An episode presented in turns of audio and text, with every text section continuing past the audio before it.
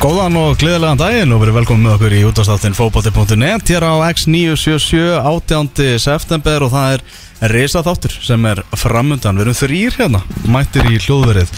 Ég, Elvar Geir, með mér að vanda, Tómas Þór Þórðarsson og einni með okkur er sérfræðingurinn okkar, Úlfur Blandon. Blessaður Úlfur. Blessaður. Heru, það er nóg að ræða í, í, í þættinum í dag. Við ætlum að fara yfir sviðið uh, stóramálið er náttúrulega lengju deildar velunin 2021 þar sem að uh, já, fókbalti.net hefur valið sko eða látið þjálfara og fyrirlið að velja lið ásins frá 2003 það var fyrsta árið.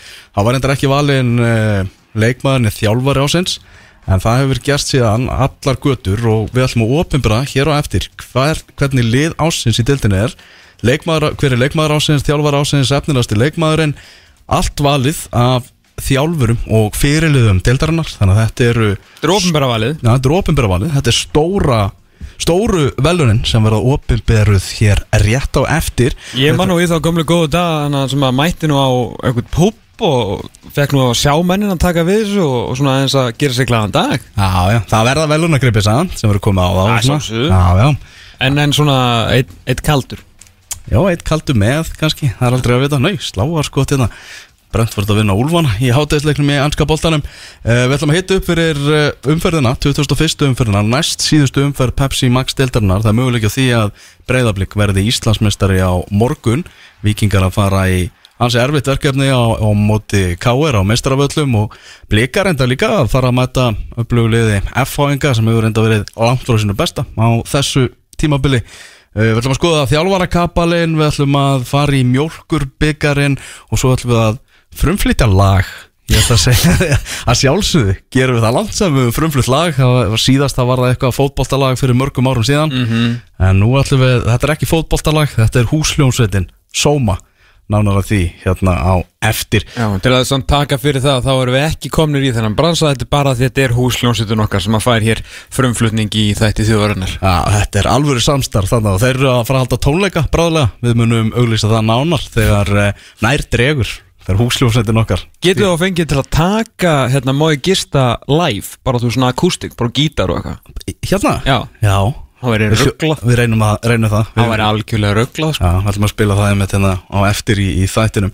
Er þau svona það ekki úr vegi að óska Úlfurinn til hamingju? Kraftaverkamæðurinn í, í Kóbói Mætti kvennalið háká Bara svona rétt, ætlaði ekki að fara að þjálfa Búin að vera mikið að gera í náminu Búin að næla, næla sig hérna NBA gráðu Fastur í frásunarfloknum og fóðblöndinni alltaf deyr En bara svona á milli þess Skrapa hana aðeins upp í kór Og bjarga háká frá falli Til lukum með það Það er ekki fyrir Já. Já, já, þetta var gaman Ekki? Hérna, Jú, jú, mjög gaman hérna, Kona minn auðvitað spilaði í liðinu Hann er maður svona Maður hérna rann bróðið til skildunar og, og hérna eh, reyndi að, reyndi að koma eitthvað og reyna að snúa sig eitthvað við. Það gekk bara ljómandi vel Þannig að ég er bara mjónar Já, líka gott bara fyrst fyrir fólk að munna að þú ert ekki bara sérfræðingur, þú ert náttúrulega hérna, þjálfari sko, hann er gott að, svona, að minna þess að því, sérstaklega það segir ekki nema svona 52 laustur sko. Við förum betur við kapalun eftir og allir með orða úlf við öll liðin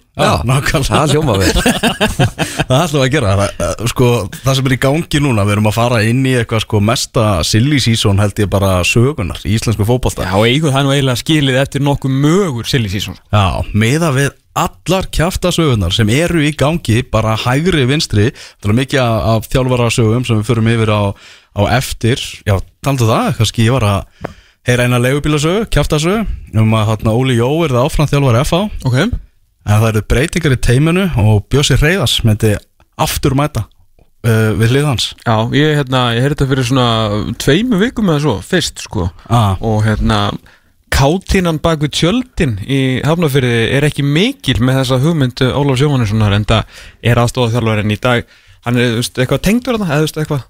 Ah, hann þekkir eitthvað? Það Getur hann ekki verið með tvo? Já svo er það sko, það er nú ekki langt að voru það. ekki? Nei, Nei, nei, akkurat Ákveðlega, þannig að það verður hérna, við Ólaf Bjössi gerir stórkostlega hluti með valslið og ná náttúrulega rosalega vel saman sko, það er bara eins og hanski og hönd og ég veit að pælingar í FH um að ráða líka yfirmann fótboltamála. Ok, og þar hefur Jóhann Bittner verið orðað við star starfið. Já, hann ok. Mm. það er áhugavert, hann nóg að sögum í þessu. Það er alltaf svona fótbolta haus sko, Já, já, hann er toppmaður. Toppmaður sko. Algjör toppmaður. Ég eru góða sögur af Akurri af Greifavellinum að það sé bara að sé bara að fara að taka hann yfir og, og það sé bara verið eða að ganga frá því að, að káa fái sinn völla á sínu svæði. Já, Ok. Og það sé bara, bara langt komið, það eru góðar Hvernig vaknaði þú í morgun? Ég það hljóta að geta byggt eitthvað á þessu að það er ekki, Já, þetta er bara eh, hérna, downtown og hérna lítur ljómandi vel út þarna beint á móti aðal veitingastæðanum á Akureyri og það lítur að þetta gera helling úr þessu svæði. Mm. Vantar ekki matullana, eða kannski nýkomin Það hlýtur að maður öll eitthvað staðar. Það getur alltaf pláss fyrir allir út um Er eitthvað staðar inn í Glerártorgi sko. Þannig að í byrjun oktober þá verður aukaþingið hjá, hjá KSI og hafa kopast nú póstur til aðeldarfélag knarspinnu sambandsins frá, Ha- jú, Guðna Bergsinni Það kom uh, lítil uh, svona lítil sprengja í, í morgun þegar að uh, Guðni að uh, KSI.ri sendi já, það sem að heitir uh, kveðja formans á félögin í, í morgun sendi reynda tvö þéttskrifu PDF skjöl uh, það er svona hann og, og hérna hans svona kostningastjórna til að unni þetta saman síðustu dag Uh, og síðan náttúrulega líka annað skjál sem heitir helstu verkefni og aðgeri KSI 2017 til 2021 þar sem að Gunni er svona aðeins að minna á það sem að hann hefur vel gert, þetta byrjað þannig undanfarnar vikur hafa mig verið lartónsríkar í kjölfar mikilur umræði þjóðfélaginu, jamt í fjölmjölum sem á samfélagsmiðlum tók ég þá erfu ákvörðun að segja af mér sem formaður og fer hann síðan svona aðeins yfir hvað bara þarf að gerast í knæspöndur heimingunni og hvað hefur gerst og hann hefur verið að ræða við hérna jafnbrettistýruna Kolbrunur Hrund og, og fleira en minni síðan á svona það sem hefur gerst.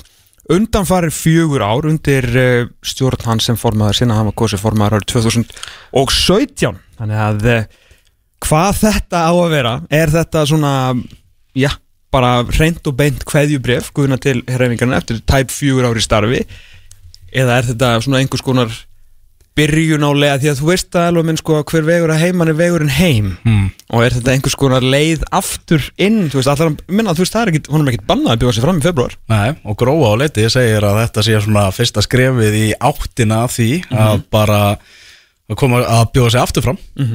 Það segir gróa, náttúrulega Guðni, veltengdur og þú talar um kostningastjórn, hann er svakalega öfluga maskinu í kringu sig. Algjörlega, með mjög góða menn í kringu sig eins og allir sem að eru, ég meina að vera að forma að KSI er bara politík, þess vegna eru við með lead political analyst bara á launum hérna í Þóri Hákunustum til þess að, að því að við skiljum þetta ekki svona allt, við þurfum að vera með bara politískan sko rínanda, okkar Ólaf Þótt Harðarsson til að fara yfir alla politíkina í, í fótboltanum og á bakvið alla uh, stóra frambjörna heldur að Bjarni Ben sé bara einn í þessu?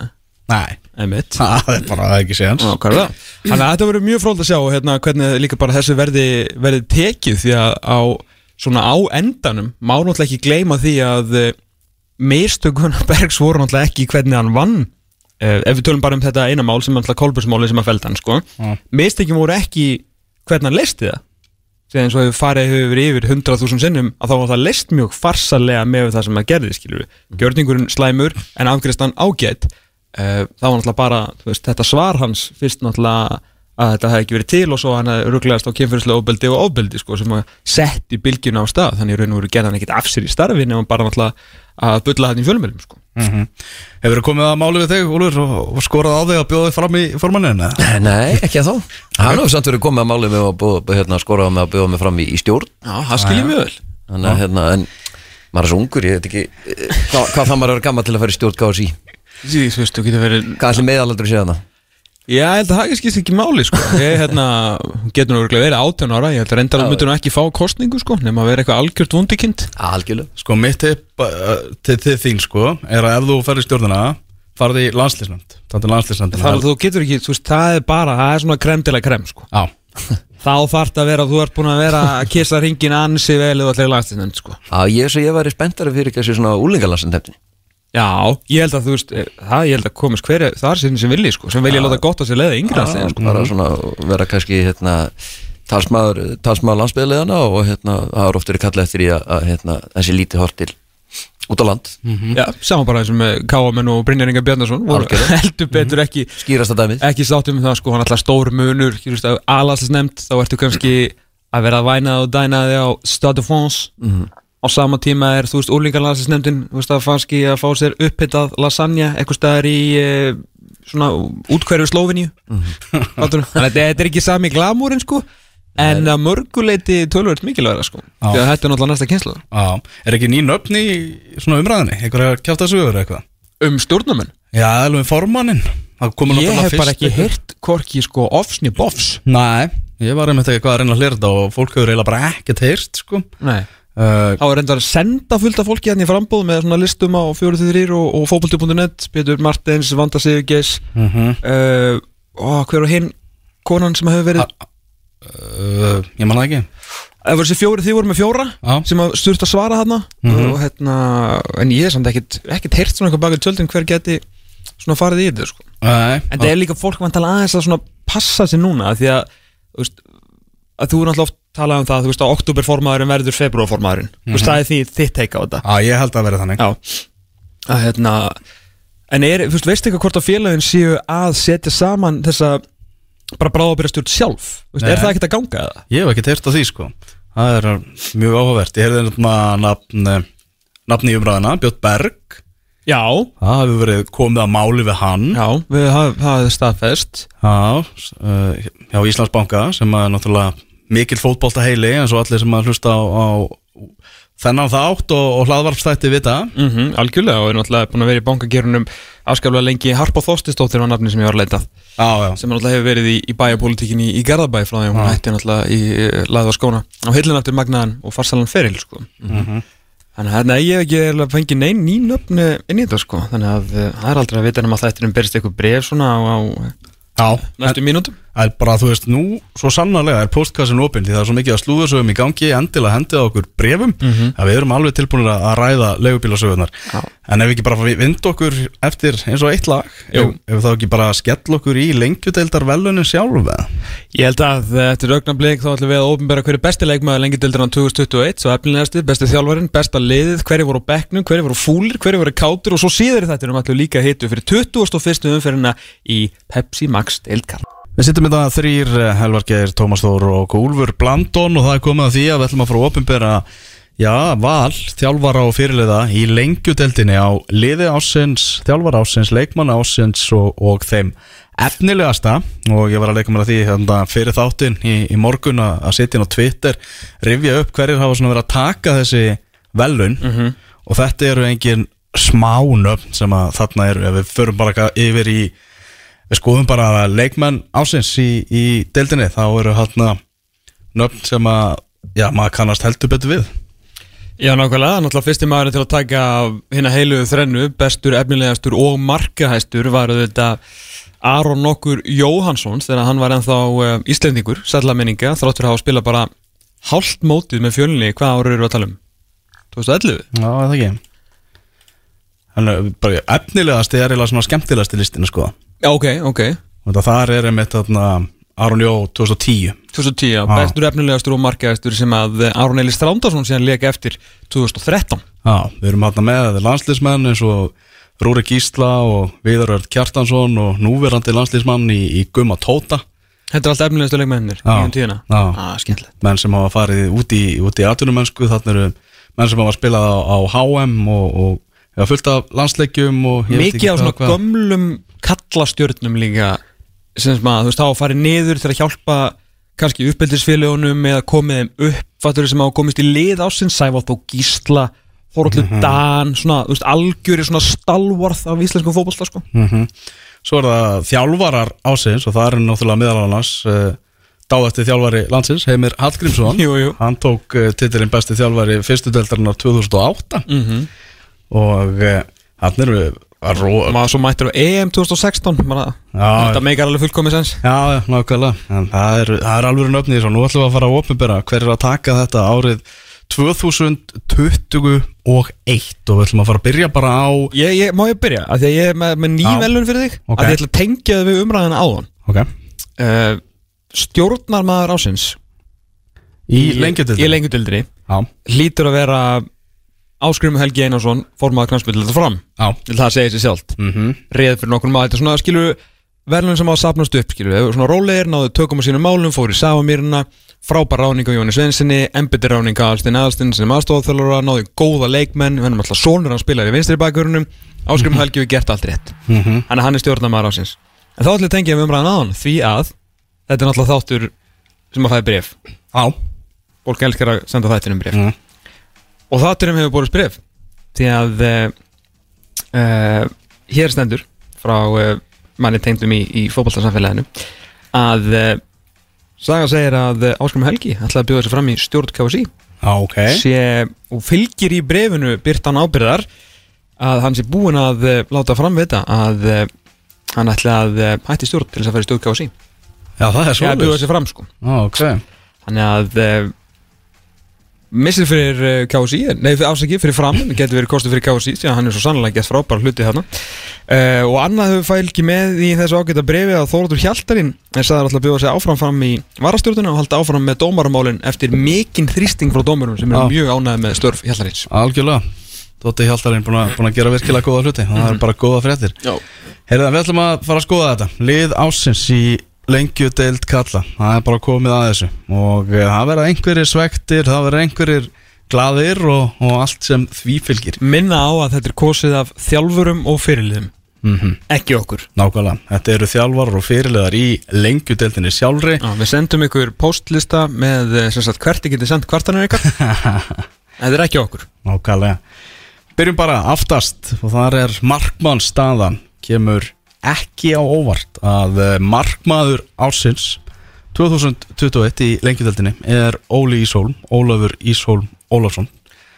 Þeir þurfa ekki að hafa áhugjur á markmannstöðinu sinni framarar þegar þeir eru að koma núna upp í, í eftir delt Nei, hann er búin að vera reykjala góður og hérna, náttúrulega kemur kemur hérna svolítið, svolítið feskur inn í í fram og, og hérna í, svona í samtölum sem ég hef átt við þá leikmenn sem að meðal hans spila með fram og svona, þá er hann búin að vera bara sína ótrúlega mikið stöðuleika, hann er auðvitað búin að fá þessi fæst mörk í deildin líka.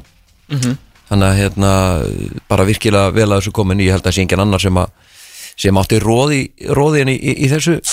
Nei, þetta, þetta hefði verið fróðleg kostning ef að Lukas Jensen hefði klára mótið. Já, algjörlega, hann var náttúrulega svakalur. Hann svakalegu sko. Og hérna eru þetta ekki mikið byrta það, ég minna, þú veist að segja það, hann er varamartmaðurinn í liðinu, fekk næst flest aðkvæði þrótt fyrir að spila bara einhverja tíu leiki þannig að það segir sitt um hvað þjálfurum og, og fyrirlegum í þessu deilt fannst um gæðin í, í Lukas Jensen, frábær leikmaður sem að, sem að kótringindi fengu. En þetta er áhugaverð sko náttúrulega fram og IBF þetta mjög með hérna sterka, sterka vörd bæðilið og IBF náttúrulega eins og staðin núna vissulega búin að leik, eh, manni, eitthvað leikfæri og er náttúrulega með svindlkalli vördinni í Eðaron en eftir ansi bratta og erfiða byrjun á tímbilinu hefur náttúrulega Haldur Pól Gesson aðeins rifið sig í gang þegar þeir eru bara búin að fá þessi átjörn mörg sko. Já, já, má ekki glemma honum ég, ég er ekki að segja að hann verið í, svona, í, í sko, umtalinu en samt bara rétt að gefa hann smá kredd sko. Já, ég held að hann er alveg bara fullt að krediti þannig skilið, hann er búin að standa sér frábála og búin að vera svona sína hvað mestan stöðuleika bara fyrst mér hjá, á sínu ferlinu hann síðustu 2-3 ár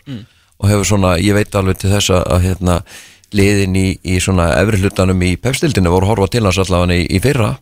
Og hérna, þannig að hann er, hann er efnilegur, er ekki hægt að segja það, þú markmenn eru efnilegur þeir eru eldri. Eru eldri, Þannig að hann má alveg vera efnilegur en þá En, En hann er bara góður. En það verður fróld að sjá núna hvað Ólafur Ísson gerir þú veist þegar hann kemur upp sem aðalmarkmaður í efstudelt þetta er allt annan dæmi, hann- þetta er langbesta lið það er minnst að gera, þú veist við þurfum aðeins að líka segja hlutina eins og þeir eru veist, hann er með bestu vörduna í besta liðinu sem er mest með boltan, veist, hann er búin að vera virkilega góður langbesti markmaður í þessari deild en það verður, hérna, hann þarf samt að taka sinn, hann þarf að taka skref með liðinu og sjálfur á næsta ári ef hann á að, þú að þú þart náttúrulega sem nýlið þá þarf alltaf geggja markmann, sko. Það verður fróld að sjá hvað Ólafur Ísson menn til lukku með þetta vinnur. Mhm.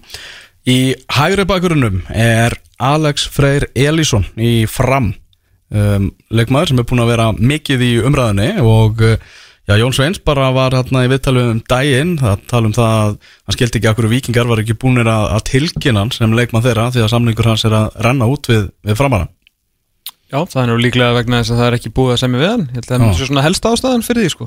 Hmm. Ég held að, þú veist, Jón Sveinsson topp maður og frábær þjálfari en hérna, það hann vittur nú sem minnst um samningamálin hjá Víkingi sko og bara gengur vel að þjálfa fram og ég held að hann bara, veist, að einbytta sér að því Mm og gengi, það hefur gengið mjög vel hjá hann sko. Ah, Þannig að það er ennþá möguleika því að Alex Freyr verði bara með fram á næstu tímabili. Já, ég myndi segja að vera bara mjög fínu líkur mm En hann er alltaf að valina þetta hvað, hvað getið þið sagt mér um, um þennan strák? Hann er búin að vera bísna efnilegur lengi. Já, einmitt, ég held hann væri frekar að fara niður á við en hann tók þetta Já. skref upp á við sko. Hann náttúrulega kannski breytingi sem að verður á honum er honum er snúð úr því að vera kantur svona að, hérna raður kantar í það að vera bakurur og, og leysir það mjög vel, hann, hann spilaði rauninu upp alla yngjurlokkana og, og líka sem sendir eða, eða kantari. Þannig að hérna klókt hjá Jóni að hérna, setja hann í bakurinn og fá feikilega hraða á þetta og svo er hann bara sínt stöðuleika þarna líka. Þannig að þetta svona, er, ekki, er þetta ekki svona svipað svo Kenny Jobbart Mm, ekki dólíkt. eldfljótu kantari settur í bakurinn og, og, og, og dæmi gengur upp. Þannig að í þetta maður er allan búin að sjá þennan strák og fylgjast með hann lengi. Hann er auðvitað ösku fljótur Mhm. er sterkur og fylgir sér og fín, mjög fín á boltan hann er með bullandi góða tækni og svona að líka, vel gert í honum líka bara veist, að, taka þessu hlutverki er hann er náttúrulega búin að vera barnastjarni fram lengi og auðvelt að vera með einhverja tilætluna sem ég og ég á að vera hér og þar sko, leiðilegt úr færður frá markinu í bakkurinn sem er svona kannski ekki alltaf mest spennandi staðan. Auðveldara með Kenny Choppar sem er náttúrulega bara atunum aður en að geðslappa þú veist, Rúna Kristinsson segir, hún bara spila bara, fara þú bara í hæri bakkurinn og þú ert ekkert að deila um það sko Einmitt. það væri miklu auðveldara fyrir Alex í sínu uppeldisfélagi með þjálfara sem þekkir að Mhm. vera eitthvað að maldi í móin kannski gera það til að byrja með ekki hugmyndu en þú veist, þau bara tekið þessa stöðu og er bara virkilega flottur sko. Já, ég, ég sammála því, hann er líka, hann er líka töffari sko en hann er, þú veist, ég get ekki ímyndað mér að hann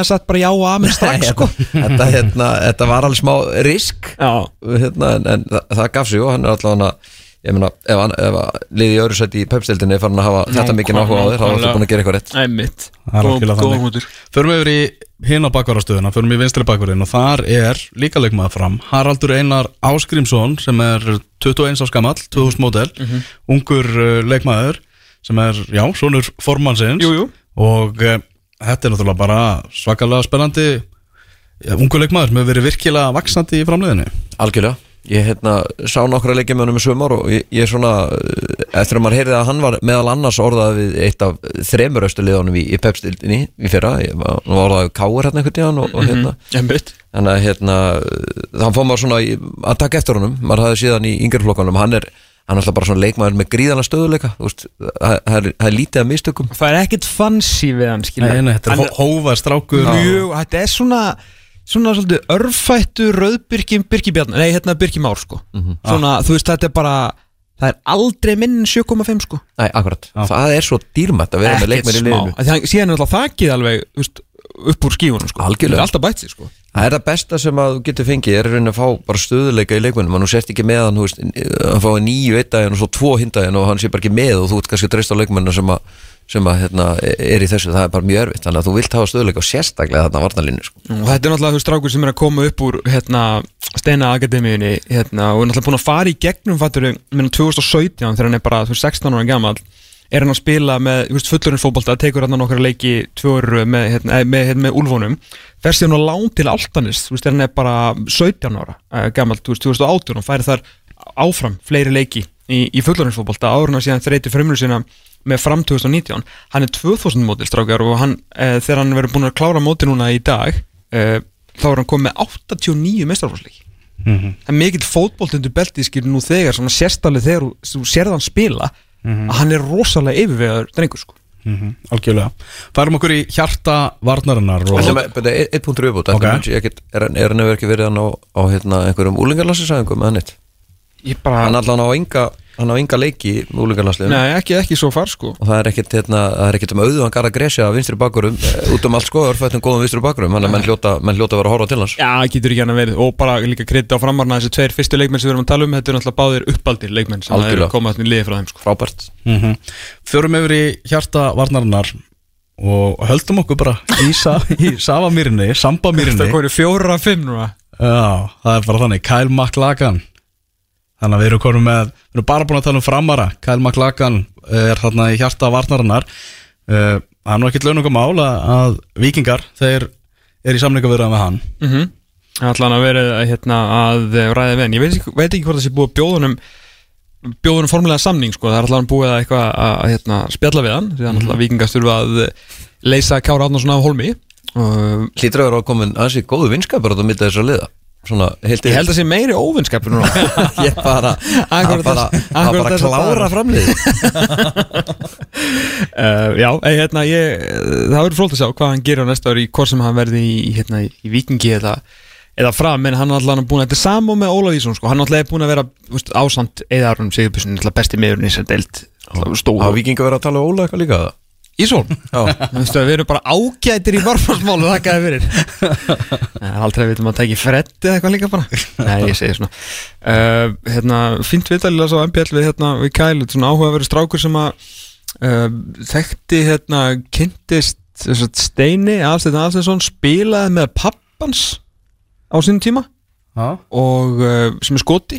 Og hérna, sko, skósk bandarískur þess vegna er með þetta glæslega eftirnafn og eh, hérna, þegar hann var svona, var búin að vera eitthvað í Danmörku og endanum sem bara ringir hann í í Steina og spyr hvort að hérna, nei, ekki- hvort hann getur komið hann til Íslands Steini Já. heppin að vera alltaf hvort aðstofþjálfur fram bara, herru, ég er með liðhanda þér Já. og fekk hann að svo sannarlega verið Það er rómantík í þessu. Herru, hann er búin að tapa einu fótballtaleik á Íslandi fældi því Já. Einu fótballtaleg Já. Og veitu, það var byggarinn eða eitthvað Já, fyrir, í deild fyrir ekki, hann búin að tapa í byggar og tapa hann fyrir grinda ekki fyrra Á, ok, það er rosalegt Vá.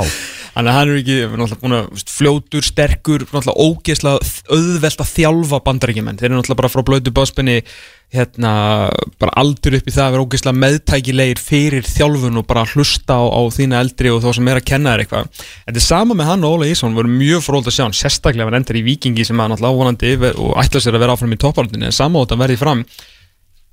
Meina það hefur, hversu mikið hefur það mikið reynd á Kælma Glakkan mm.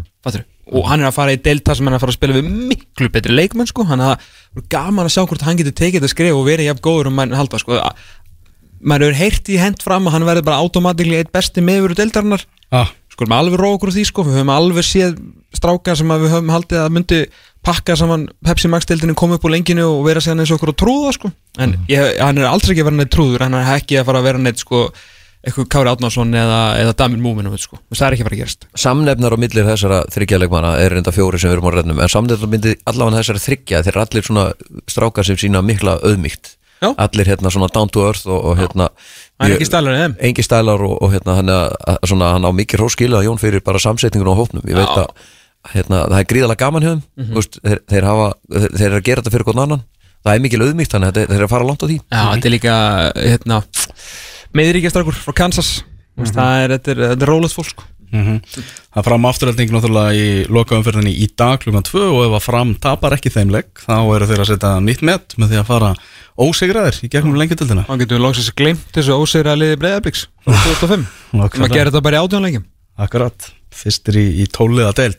Heyrðu, til að fullkomna vörnina, þá er það bara konkurinn í vestmannaugum, Eyður Aron Sigurbjörnsson hjá, hjá IPVF bara eitt besti miðvörður landsins og það er bara sama hvað Ég er bara svo fein að fá hann aftur í Pepsi Max deildina sko. þetta, er bara, þetta er bara búið að vera asnalegt að hafa hann þarna í þessari deild sko. Já, bara, þú veist, og maður bara vorkenir þeir sem er að spila móton því það líta bara út eins og þeir kunni ekki knaspinu sko. þannig að bara, hann er bara komin á sinn rétta stað og, og það sem er gott við þetta er að hann gerir bara hann er að gera IPVF bara svona 7% samkjöfnishæfara í deildinni það er bara að vera hans í vörninni skilur Þannig að þú getur alltaf þurft að fara að tala um IPVF þegar við fyrir að hita upp og fara í ótíðum bara að spána og við eitthvað hafum ágjör IPVF þeir eru ekki búin að styrkja liðinu og mikið da, da, da, da. en þeir eru með eið.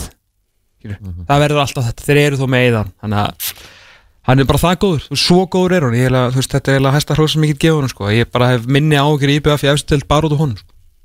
Já, já, ég, ég er sammála þessu, hann er, auðvitað var, var bara frábæð með val.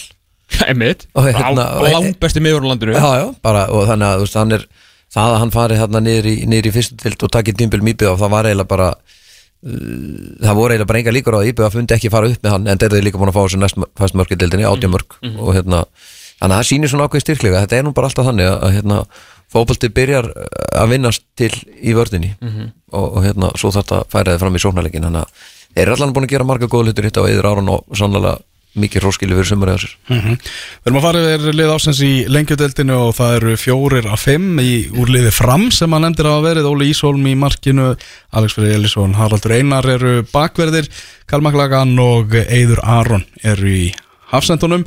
En farum okkur á miðsvæðið og uh, höldum okkur bara í vestmannum, Gauja Lýðis, Guðjón Pétur Lýðsson, bara annar leikmaður sem á heim í afstudelt. Já, ekki nokkur lifandi spurning og hérna, það er engin eitthvað að missa hökuna í gólfi að uh, bandalagi hafi komist upp í efstu deild með Eida Aron og Guðjón Pétur Lýsson í liðinu tvo alvöru sigurvera með alvöru kröfur og sérstaklega, sérstaklega Gauðlís og hérna, þegar hann fór á stað var hinn og fljótur að segja ég hef nú aðeins minni ágjur en ég hefði kannski af hérna, þessu eiginli uh, góðu gild ástæð fyrir því að, að Sító náði upp svona tímbili getur ekki verið annað heldur en koma gauja sem að líður rosalega vel aðna uh, bara bærin elskar hann, hann elskar bærin hann er byrjað að, að smíða og, og múra og mála og gera og græja og bara þetta líf Aðstóða í leikmannamálum, bara ná í menn ná og- í menn og þú veist, hann er bara svona gæi veist, hann hefði verið frábær fyrir káa ef að, Akureyrarbær hefði einhvern veginn geta gefið honum alla þessa þjónustu sem að hérna Vestmann eða bæri getið, hann er alltaf stór munur að vera með 20.000 manna bæjarfélag og síðan 4.000 og ég er bara lífi hendanum hann og, og, hérna, og hann hendar þessum bæ, hann hendar þessu liði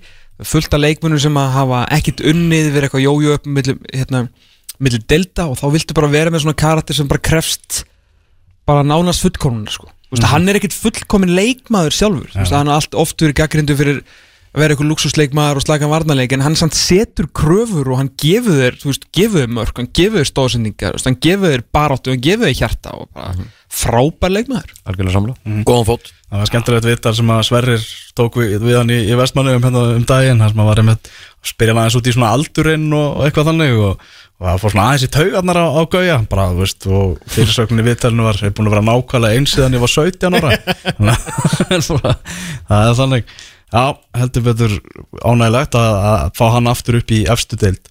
Með honum á miðjunni er Jóhann Árni Gunnarsson í fjölni, Jóhann 01 sem að, já svona þegar hann rökk í ganga á tímabilinu þá bara rökk fjölnislið í gang, hann bara kom þessi fjölnislið á stað, afreikaði það meðal annars að skora fimmörk í einum legg í 7-0 sigri á móti Vikingi Ólásvík.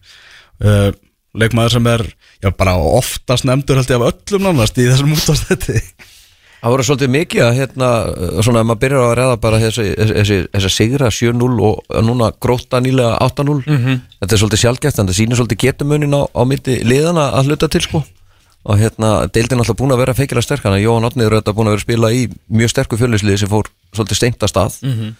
og við vorum auðvitað eins og við rættum hérna í þættunum ára og býðið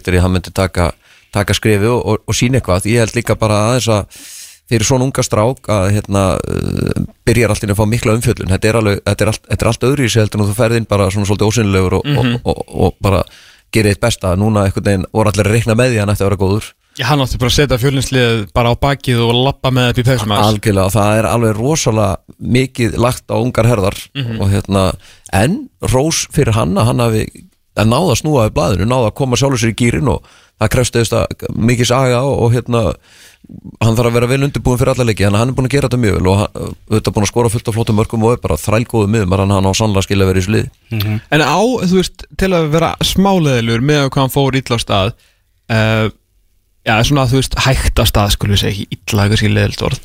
Að hérna já, ég var klára miðun á hann í tekka sem verða Nei, þú veist, þarna veist, ég skilan, þú veist, það var mikið talað um það bara, þú veist, á ekki Jóhann að vera í efstu deilt, þá var orðan eitthvað vilið í efstu deilt og eitthvað þannig, sko.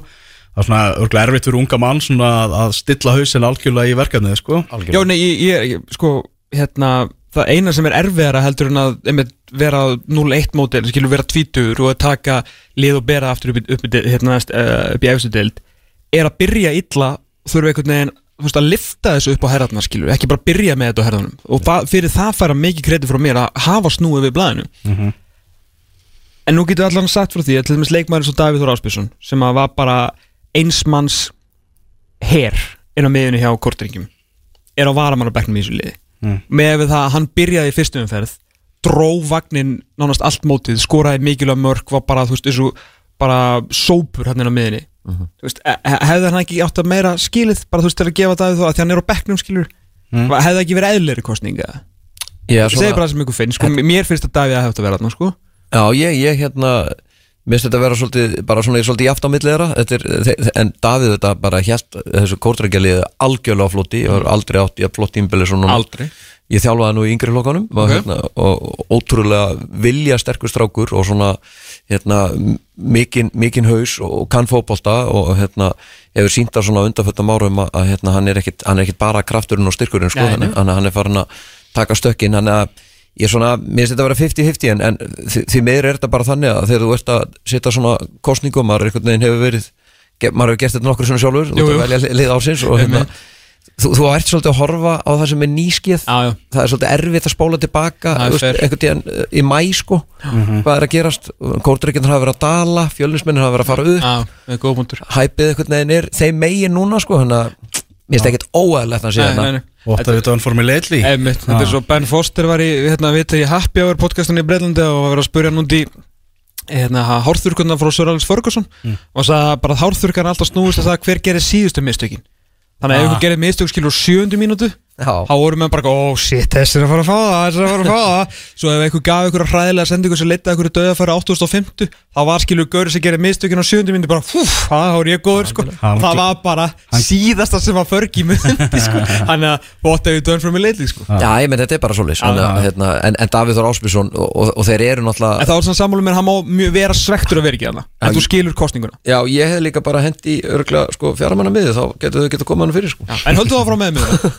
það það Er, já, það er Það svakaleg er fjóri því þrýra ekki? Jú, jú, það er svakaleg gæði á miðjunni í liði ásins í lengjutelt kalla Við erum búin að nefna Gauðalís, við erum búin að nefna Jóhann Úleit Já. og með þeim er Albert Hafstensson í fram. Það var náttúrulega ekki hægt að, hægt að sleppa honum í umræðinni sem besti leikmaðurinn bara í þessari deild. Og við erum algjörlega, algjörlega frábær og við erum rosalega merkileg síðustu áhrifunum Úlfur, þetta er að fara frá í að æfa með FH, enda í B-deildinni fara ekki frá þeim í fyrra þetta, er, þetta er merkileg leið, leit, leit blúmer svolítið. og hérna hann er þetta bara, er svolítið heilin í þessu framliði, tengir bæði sókn og, og vörn og, og hérna hefur gert þetta feikilega vel og er, hefur alltaf verið svona strákur sem er ótrúlega duglegur að æfa, mikinn fókus á fótbolta.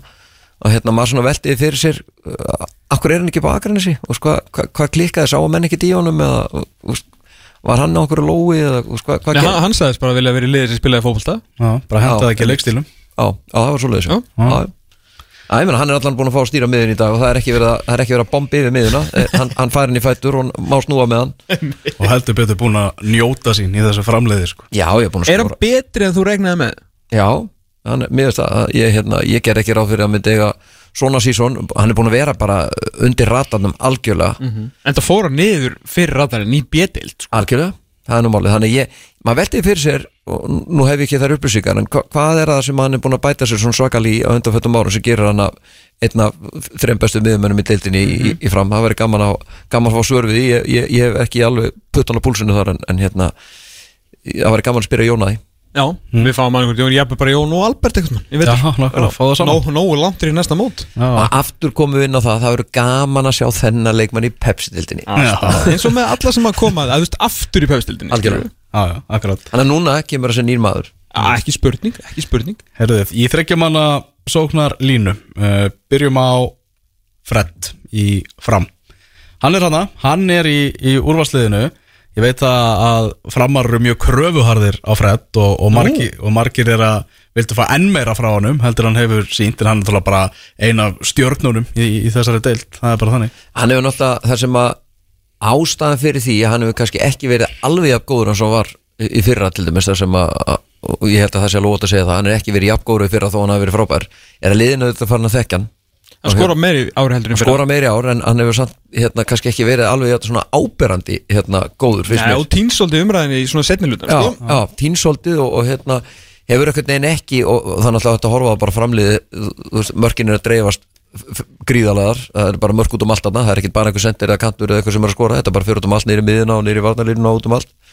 En hann hefur svona ég held að liði sér að læra inn á hvernig á, á verja smótunum hvað er, hver eru styrklíkina, skort vist hann er betra að fara að hæra eða vistra megin og, og hérna þeir eru farin að vísa honum út og maður hefur svolítið séð það sko, hann er svolítið tekin, tekin fyrir en, en Já, skilja það og maður sér það það það eru þjálfar og fyrirliða sem kjósa þetta og þeir eru að setja Fred í þetta lið Akkurat. þannig að það er alveg greinilegt að þetta er leikmaður sem eru þeirra að huga þegar þeir eru að mæta fram sko. Sko, hérna, það er náttúrulega nóga frömmurum í þessu lið og, hérna, talendum að læra á sem er mjög flott fundur í Ólfið því að hann, hérna, hann skora 6 mörg uh, fram til 10. júni 6 af 8 mörg mm það er af 2 á móti Viking Gólasvík sem er náttúrulega er, veist, eins og bara spila einhvern næfingarleik, sko, sérstaklega í byrjum móts. Uh, hann skorar 2 mörg hann er búin að skora 2 mörg síðan 10. júni Mhm. þú veist, það er komið september.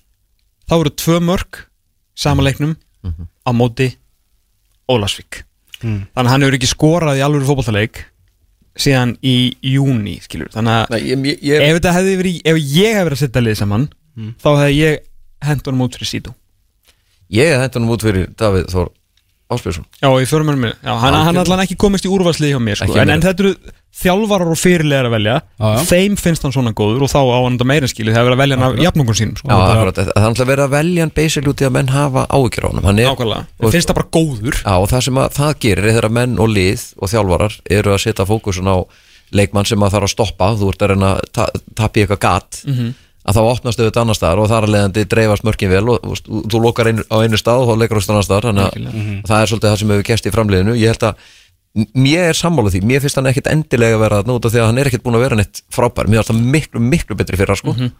þannig að hérna, þó hann sé búin að skora meira núna þá, þá, þá fannst mér hann samt betri fyrir Mhm.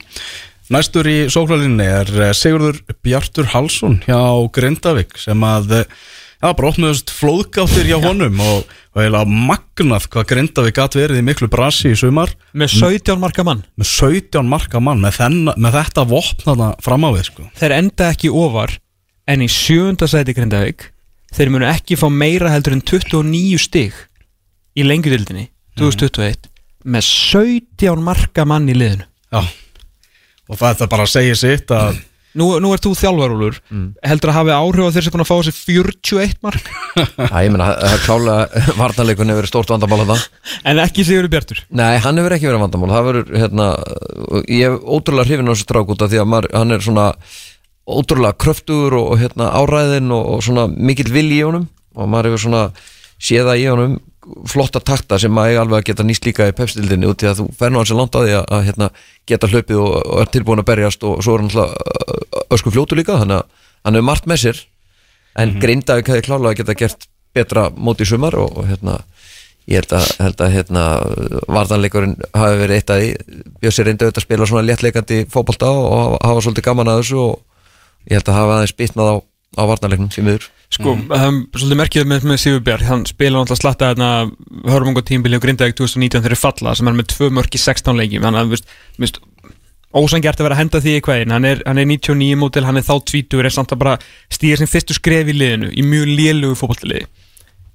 en síðustu tvö árin í lengjudöldinni að því hann skorar áttamörk í fyrra hann er með næstu í hálftmark í leik á síðustu leiktíð og núna á tveimur tímabilum á tímabilum þar sem hann er þá 20, og- já, 21, 22, já, 20, 21 ára, eins ás 25 mörk í 40 leikim Mhm. þú veist, þetta er alvöru tölfræði sko. algjörlega. Þannig ég spyr þig, Úlfur, viltu sjá hann taka eitt tímbili viðbúti í Grindavík? Viltu sjá hann taka hérna, hérna andra á Flandri múið og fara í besta lengjadöldaliðið eða bara upp í eitthvað gott prótsist í Pepsi Max núna, hann er að renna út á samning. Reynda samning þannig að hann er, ég, ég, ég myndi að segja hann að þetta var í pepstildin, ekki spurning. Já, ok. Hérna, er ekki framræðan að missa allir yfir í viking, getur hann ekki farið þáka? Líka- jú, jú, jú. Já, en þú veist Það eina sem fram er ekki með er bónafætt framherri sem er mjög fyndið. Algjörlega, þannig að ég, ég held að þeir, þeir eru þetta með Þóri reyndar, sem er búin að vera fýt sko, hérna, hjá fram Það er svona með svona zero skilu uppspilspunktur án marka. Það er Sigur svoleiðis. Bjartur er náttúrulega ekki alls engin potari. Þetta er bara gauður sem Nei, er hann bara fær boltan einhver stað svona 40 minnir frá marki og svo bara af stað. Þetta, Það er- svakalur, þetta er, við kalla hann sveita strækir hann, er- hann er rosalega vinnusamur og vinnur mikið fyrir liði líka sko. Þetta er bara, hann er bara, þetta er svona vinnudurtur, hérna, þú sér hann í lýrabólum út á túnni, hérna, drulluðarinn fyrir ökla hérna, og, Er að hann er að renna út á samningi Já. Hann hefði tekið guldskóin á þessu tímafili ef ekki væri fyrir einn Pétur Theodor Átnásson í gróttu sem að skoraði 23 mörg þau verði ekki fleiri, þráttur að gróti eftir að spila eitt leik, hann er að fara til Benidorm eða eitthvað á morgun. Bene kallar. Hann var búin að, að skipulegja þetta. Átti náttúrulega gróta átt að klára tímabili sitt í dag. En uh, svo verður þau frestanir hérna, þannig að þeir klára það á miðvikudaginn þannig að hann er bara að fara fara af landibrott með 23 mörg í, í bakbókanum Ég veist að ég hefði, hérna, breytt flugum með mínum og hérna, reynda að bæta metið. Markamendið er 25 Þannig að þú ert þrennu í lokaleiknum á móti var það ekki IPVAF í lókin? Já, ok, kannski ólíklegt Uh, Eður Aron, en ok. Nei, það er, jú, íbjöða fyrir ekki ah. Já, já, en ég menna, þú veist, maður allavega það er er ekkit dýrt að breyta flug með það, sko. Ekki, ekki í COVID eins og núna, það, hefur aldrei verið ótrúið að breyta flug með þessu COVID. Nákvæmlega Og hann alltaf er svo sem að fara hann Hann hefur spilað sem síðasta fótbollaleik fyrir uh, gróttu og seldum við sér og leiðin í, í, í breyðableik En 23 mörg, þetta er Já, þetta er framar á öllum vonum og væntingum held ég sama hversu flottur þessi dragur er. Hann er líka hérna, svona bloomer hérna, ótrúlega viljur ég, hann er búin að, hvað er hann, ég held að þessi búin að slíta crossband allafana tvisar, allafana og búin að ná sér upp úr þeim meðslum og, og hérna búin að gera feikilega vel við, við, við hérna, sinn feril hérna, dottið út úr liðinu, margótt úr gróttuliðinu á, á undanföndum árum verið svona inn og út og, og hérna ekki alveg einhvern veginn fundið tatni sjálfur en hann er búin að vinna svaka lýsir og hérna auðvitað búin að létta sig. Hann var alveg mjög þungur á tímbili og svona massaður og hérna mikið í rektinni þegar hann meittist auðvitað, núna er hann bara orðin veist, ótrúlega fitt, 1.97 og hérna bara uh, svona ekkert að trillast á vöðum, heldur bara fótboltalegur og íþróttalega vaksin, hann, hann á mikið hróskilu, búin að bæta hraða sin hann, hann var fljótari heldur en hann var.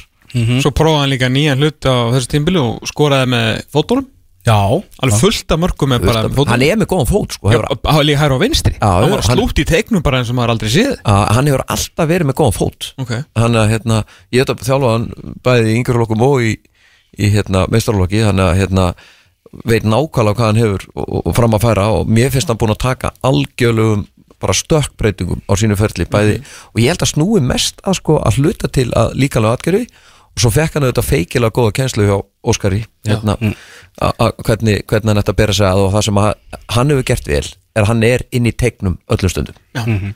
Spennandi að sjá hann í, í blikaliðinu náttúrulega Tómas Mikkelsen farinn og Sævar Alli kemur ekki því að hann fór í, í Ljungby jú, jú þannig að Pétur Theodor mun fá alveg stórt hlutök í blikum eins og, eins og staðan er núna.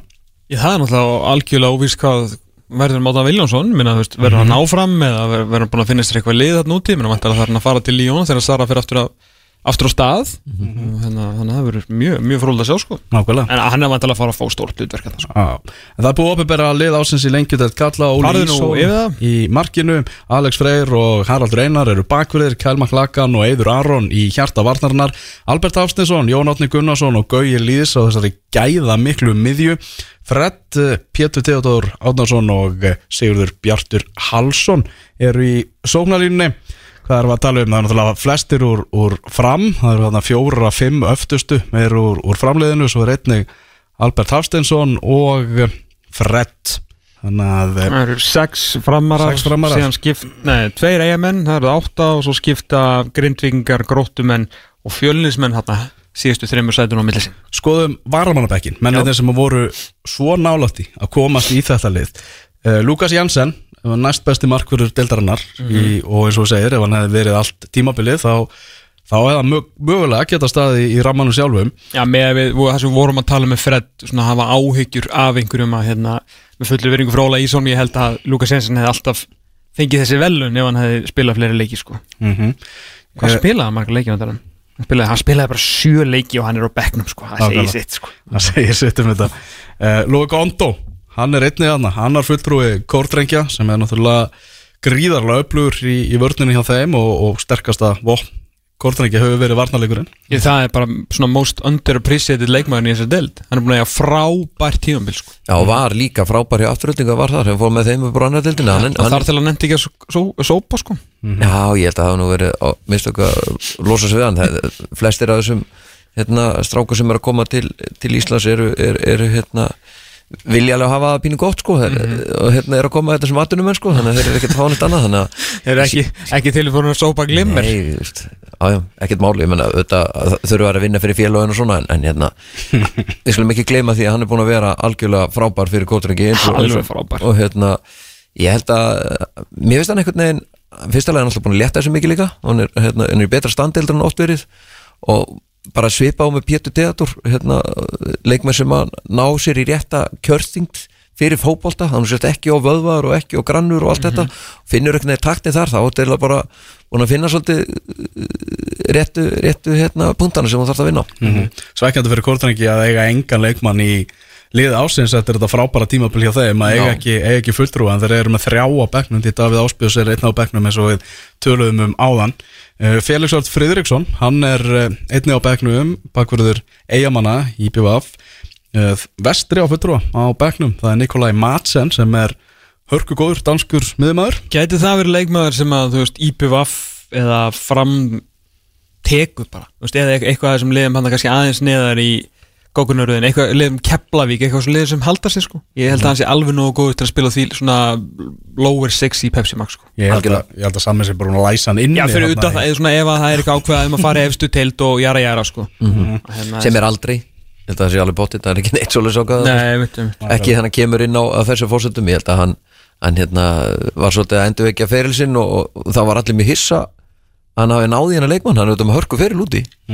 allir hann hann er þannig að hérna, ótrúlega velgert já, sama eins og ofta áður að ná í, ná í góða leikmann til að spila á, á Ísafirði. Mhm. Gary Martin, hann er eh, einnig, hann var að mannabæknum í, í liði ásins Þannig Ég bara held þessu selfhúslið uppi. Já, algjörlega. Það er ekkert flókið. Það var bara verið að segja þetta eins og er sko. Hann alltaf í rétta stöðu, hann byrjaði að að spila hann um eitthvað starf annar staðar og svo hendur hann bara í strækjarinn og færiði tókins til. Og þa- þá fór hlutinnar að gerast. Nákvæmlega. Og kviknaði bara á Gary Martin og, og hérna hann fór að gefa liðin eitthvað.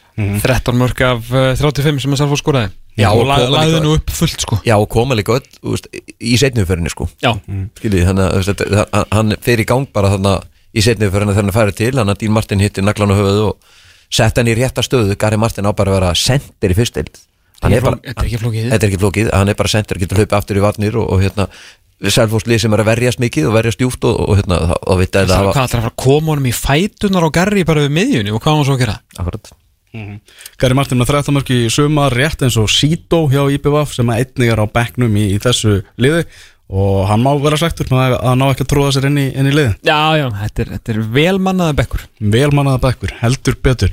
Herðu, vindum okkur yfir í þjálfara ársins Hver í gæti það? lengjudeldinni Það voru þrýr þjálfarar sem að fengu atkvæði sem Ha? þjálfari ársins.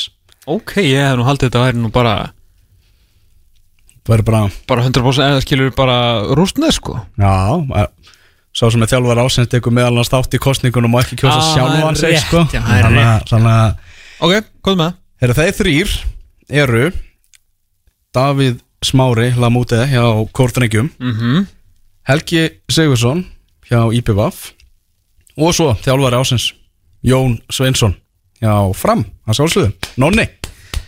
Það er mikið við það, Jón Þetta er, um, sko, oft ef maður Ég vil oft horfa fram hjá svona þjálfurum meistaraliða sem eru kannski að vinna með einhverjum 5, 6, 7 stíðum skilum við af. Svona, sérstaklega þetta er kannski svona besta lið en þegar þú ert 17-4-0 og ert 90 minútur frá því að vinna þetta á þess að uh, tapa leika þá ertu þjálfar ásins svona frekar óumdeilt finnst mér þráttur að ég hefur mjög hrifin af því sem að Davís Mári hefur gert með kortringarliðið fyrir utan svona upptótið í síðasta leik en það kannski tengist ekki knattspytunni þeirra. Uh, Helgi sig, sko, jú, flott hjá honum að svona koma þessu á rétta braut en hann er samt með lið sem átt að fara upp en þú veit, alltaf Jón Sveins og þjálfar ásins og það er ekkert að ræða það neitt frekar. Menn maður er með 55 stig, sko. Já, ég held líka bara svona bara stígandinn í framliðinu. Ég menna framarðu voru líka góður í fyrra sko. Einmitt. og, og hérna hann að að ná að halda haus og, og hérna og, og sigla þessu svona öruglega heim með svona miklum yfirbörum eru þetta bara ótrúlega vel gert. Og hérna eh, þetta er þessi marg uh, erfið, erfitt að finna þennan stöðuleika og hann er búin að finna hann og hefur náð að gera þetta feikilega vel. Og halda þeim líka bara tánum að vera ná í, þú veist þegar það hafa komið hraðandur en verið 1-0 undir manni færri eða erfiðuleikur þá að minnstakosti náði ég til. Og það er ekki eins og þetta sé fattur eitthvað þú veist, þeir eru ekki 10-11-0 þú veist, þeir eru ekki 12-9 þú veist, þetta er ekki svona Arsenal skilur við Invincibles eitthvað svona fullt af jafnteflum eitthvað, eitthvað ofmið, þú veist, þeir eru 17 sigrar af 21 sko.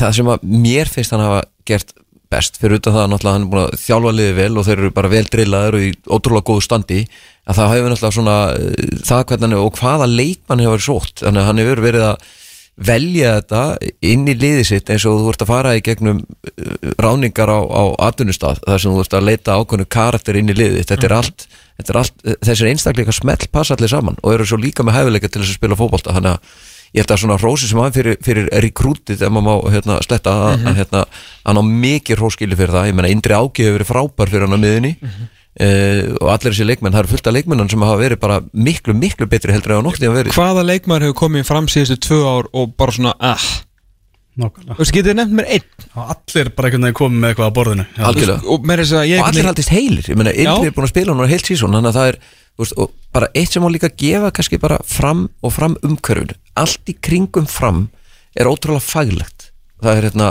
þú veist, það er vel haldið utan á liðið umgjörun er góð veist, það, það er mikið gert fyrir strákana í framliðinu það er haldið, það er haldið vel á spilunum. Allt sem er gert svona er ótrúlega faglegt og þeir eru að fara upp bara auðvitað með gríðalega hefð og þetta er auðvitað bara gríðalega sigursætt liði í eftir kalla þannig að þeir vita alveg hvernig á að gera hlutina. Og félagið hefur bara ákveðin hefð þannig að þetta er svona Það verður svona grunnt á því langan tíma sko. grunnt aðeins langan tíma en, en þú veist, svona grunnstóðurnar eru alveg og þeir, þeir, þeir kunnit allt, þeir vita alveg hvað þeir eru að gera næst. Já, þannig að og Jón auðvitað kemur inn með þá reynslu Já, já. og hefur kveikt á, á mörgum ljósum sem voru kannski sloknuð Mhm. þannig Hann að allan að veit hvernig á að vinna fótbolta lengi. Gerði það ótt á tíðum hérna svona in the 70s and 80s sko. Já, ég meina, Markvaldur, hvað tók að marga titla Íslandsmyndstönd Það er eitthvað, ég er ekki með svo marga putta sko. Að Já, algjör góðsögn uh, Áður en fyrir mig efnilegasta leikmannin kannski nokkri punktar hérna sem að Sæbjörn Stengi tók saman Já. varðandi þetta val. Pétur Theodór, Kyle McLagan og Eidur Aron fengu öll þau atkvæði sem þeir gátu fengið í lið ársins. Já. Það er bara allir kusu þá. Hver er það? Kjálma Klagan, uh, Pétur Theodór og Eidur Aron mjög eðlilegt. Uh, uh, Gary Martin var í fyrsti maður á bekknum ef uppkjæmu meðsli í liðinu. Ok uh, og það var ekki neinn spenna í baráttinu um uh, þjálfara ársins. Og það var heldur eða ekki spenna um uh, besta unga leikmannina, efnilegastan. Hann vann með talsverðum yfirbörðum, Ok. efnilegastur í lengjadöldinni 2021 Jóhann 01 Jóhann Átni Gunnarsson, fjölni. Já, þetta hann ekki með það, Jóhann. Já, hefur skorað nýju mörg í 20 leikjum í, í sumar bætt sig sem leikmaður, tekið svona meira ábyrð og, og við náttúrulega fórum fágurum orðum um hann hérna áðan. Mm en, Hverju voru aðrir? Voru einhver aðrir sem að Já, aðri sem fengu atkvæði. Það voru Sigrun Daði Harðarsson, Markvörður Fjölnis uh, Guðjón Ernir í IPVaf, Kjartan Kári í Gróttu Anton Lógi Lúðvíksson í afturölding og Ísak Andri hjá IPVaf Ok, ok Hvað hérna, Hjartan Kári, hann er nú búin að hérna, grótu, búin að beigja nokkur hérna, í, í fjærhóttinu núna í undandur leikjum. Jú, jú, jú Hann er svakalega fólk Kjartan Kári það? Hann var, hann var svona barnastjarnar gróttu upp alla yngar flokkana hefur verið ótrúlega góður hérna, gaman að, virkilega gaman að sjá hann blómstar núna og vera að taka skrefið hjá gróttu. Já, Er það bara að koma að því, það er leikmaður ársins 2021 og það var alvöru, alvöru baróta um þann titil, það get ég sagt ykkur. Eh, Munaði mjög litlu á eh, þeim sem vann og næsta manni í kjörinu. Í öðru sæti í kjörinu var Albert Hafsteinsson í fram en besti leikmaður lengjudeldana 2021 er marka kongurinn Pétur Theodor Átnásson í gróttu. Það er ekkert annað er hann ekki með það. Pétur Theodor þar maður geta að í þriða sæti var Eiður Aron Sigurbjörnsson og í fjórða sæti Kyle McLagan hjá fram. Pétur Theodor Adamsson kosin af þjálfurum og fyrirliðum lengjudeldarinnar besti leikmaður lengjudeldarinnar 2021 23 marka maður, ekki verður þau fleiri í billi Er þetta gerist þetta ofta leikmaður sem er uh, ekki í efstu þreymur sætónum sé valinn leikmaður tímabilsins. Liðum þá sem er ekki að fara upp Já, ah. er, veist, Nei, ég myndi, myndi ekki alltaf það gerist oft. Það hefur, hefur öruglega gerst sko. Það eh, gerist ekki átt Ég held að sé að örgulega ekki gerst heldur ofta að Hafsend sé valinn. Mm -hmm. Kyle McLagan finnst mér alveg búin að vera svona ja, að vera næri svo heldur en fjórðarsæti. Mhm. Þannig að mörkin telja svolítið mikið.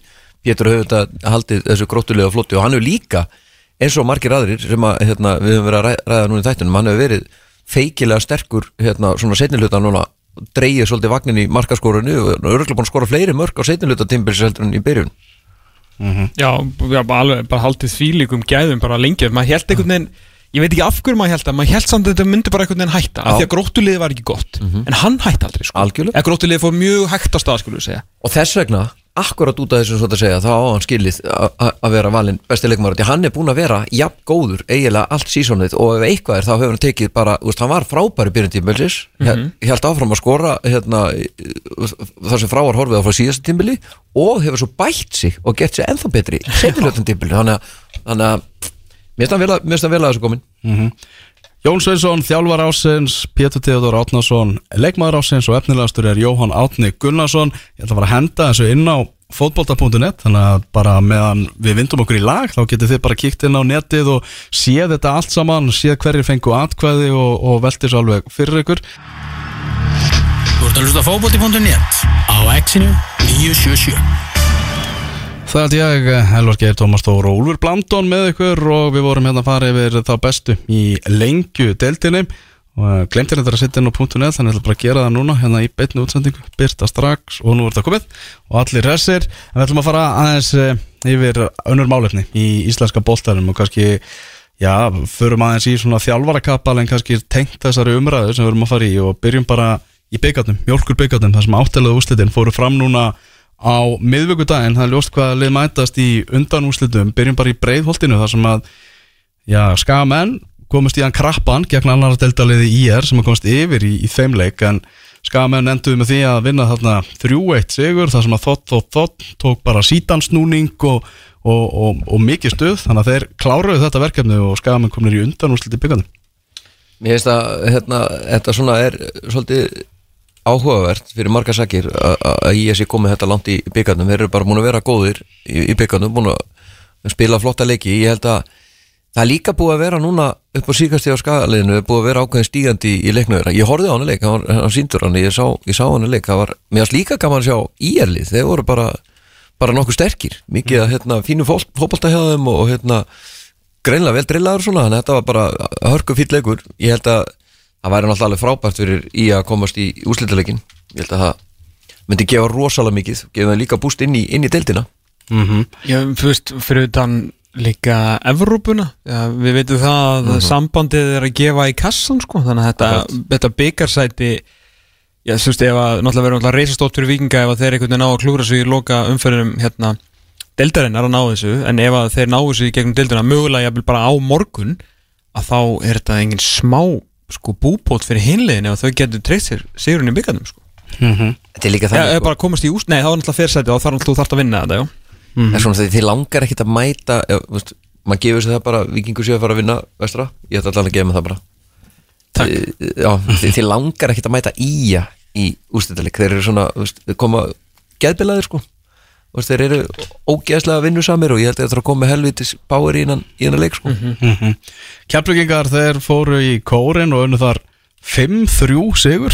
Það var bara ég að vera með hennan sens á að bjarga einhvern veginn tímbilinu og bara öllu og fá þessi fimm mörg á heimaðalli ákvæmlega Þetta er ógeðslega lélegt sko. Já, já, og talaði náttúrulega um í engkastunum daginn um bara varnarleikin hjá Háká sem hefur verið, verið bara grín. sem átti að vera sterkasta vopnið þeirra en var séðan bara hreinasta hörmung í sumar sko. Maður reyna að gleyma þessum þætti sem maður fór í það hvað ég voru geggjaði varnarlega sko. mm En hvað getur við sagt í Gibbs? Er hann ekki búin að vera bara er hann ekki alveg búin að standast væntingar? Þannig, Heldur betur, tók, tók, smá tíma að matla í gang bara rétt að kynna steltinu og svona og svo bara flottu sko. Er bara orðin bara hörku sendir Allir sé einhver lið að horfa til hann sem, sem strækir í betra liði. Það kemur ekki dórst, hann getur vel spilað í, í, hérna, í betri liðum. Já, klálega, ég minna að hann er bara góður í betri liðum sko. Það er bara miklu meiri eftirspurni heldur að frambóða af alvöru markaskorurum nákvæmlega, nákvæmlega. Það er þannig. Já, hákaðingar úr, úr leik þarna. Ég fór í Árbæinn þar sem að fylgir og, og vikingur áttust við og þar var náttúrulega svakalugur fótballalegur þrátt fyrir að, já, lengi vel hafa verið 0-0 það var nógum að vera í, í þessum leik, nógum að vera. Þetta var rosalega leikum og hérna fylgismennir með já, mögulega bara bestu framistuðu sína á tímubílu allan sem ég sé háa herrast tíð voru bara rosalega góður að kannski jú, jú, vikingum með leikin svo sem ég teskið svona allan í fyrri háleik og en setni háleik og í framlengingunni.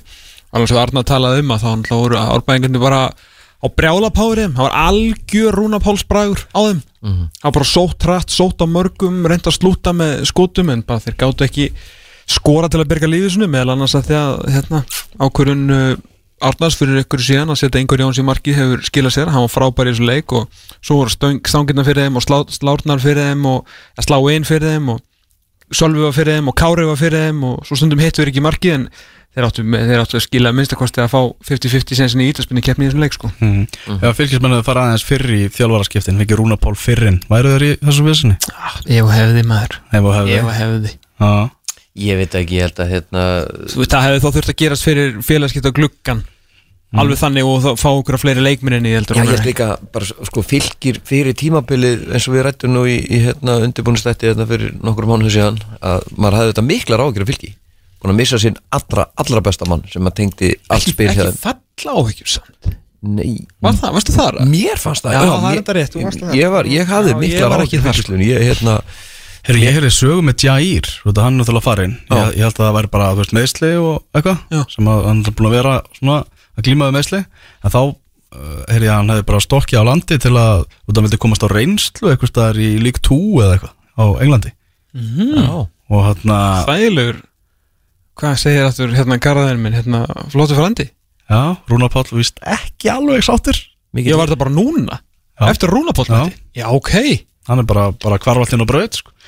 en já, þetta er er, Gekkjaða liðsmaður. Þetta er saga sem við heyrði. En menn, það er fullt af kvikum og, og flottum strákum þarna. það er bara ekki nóg að vera með ykkur litla kvika stráka Ég meina, hann var, hann var kvikur og flottur hann orrið þegar hann fiskaði vítið Nei, Dagur Dan þegar hann fiskaði vítið já, En svo var bara orri ekki nógu kvikur og snokkur til þess að skóra vítinu Mhm. Á endanum þarftu bara sparka boltanum í helvitis marki sko, og það er ekkert alltaf nóg að vera bara rosa góður í reit og halda loftið til þess að gera það sko. Þetta er líka svolítið bara bara mentalitet og, og, og fóra og gera hlutina og þeir eru, hafa bara ekkert verið þar Ég held líka bara svona uh, valið á leikmönnum inn í liðið hvað leikmenn hafa verið að sækja, útlendingar sem hafa fengið þetta er, er, held að vera frekar illa gert Já, það fyrir ekki að mér sefnað fyrir Já. þetta Jair kannski sem er samt inn og út vegna meðsla sko. ég, ta ég talaði við góðan fylgismann í, í á þessum leik og hann var að tala um svona að það, fólk í stúkunni, fylgismenn voru að gera veist, mikla spurningar bæði við svona uppleggi hver, hverju var að spila hverju sinni og svo breytingarnar í bara miðjum leikjum hjá,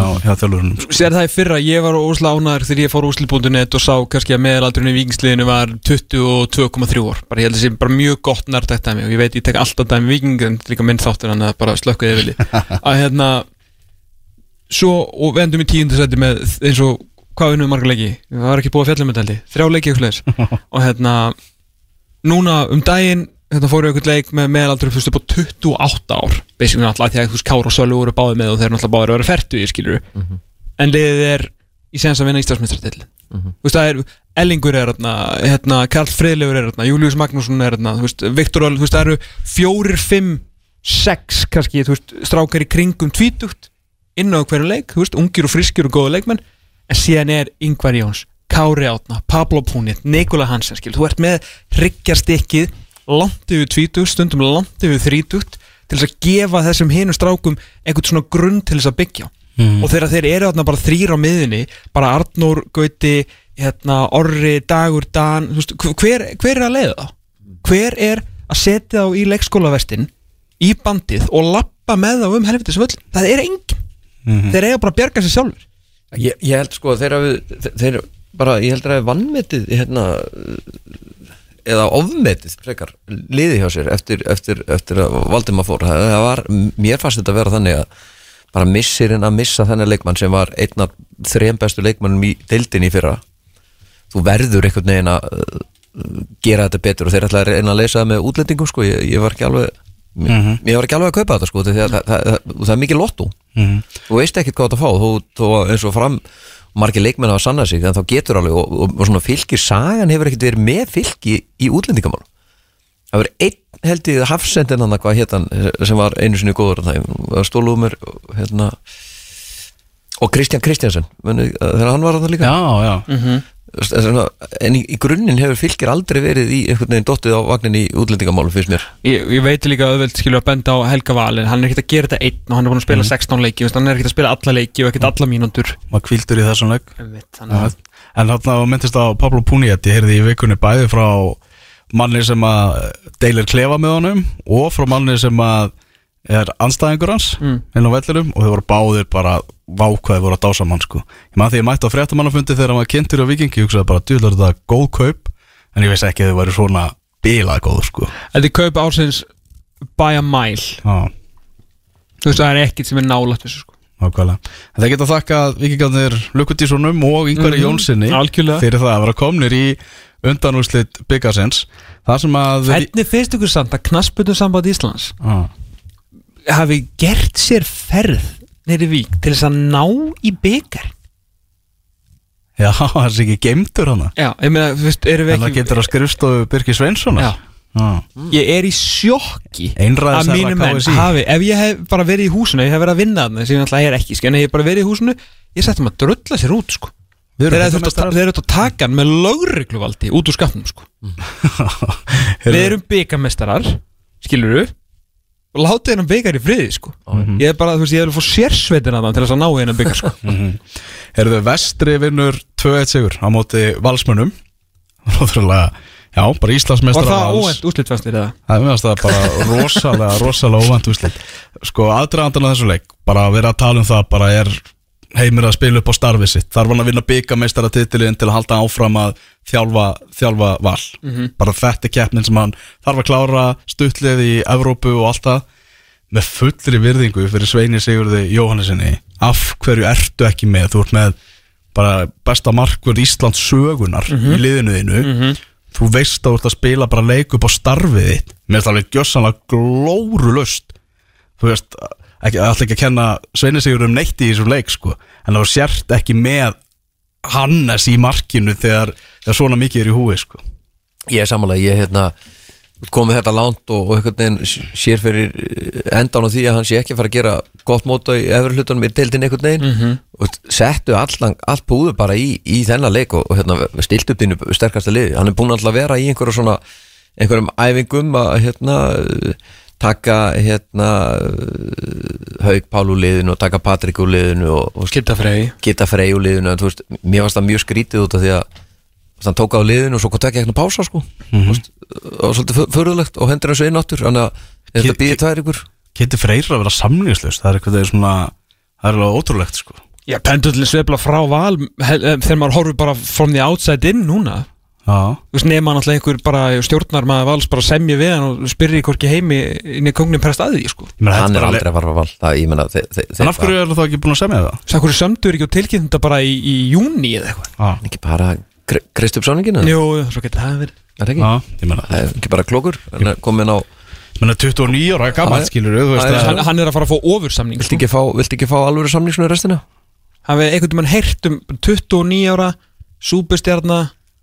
hafið heyrt um 29 ára súpustjarna hafið heyrt leikmann sem að hendar svona betur káur en Kristinn Freyr hvort núna?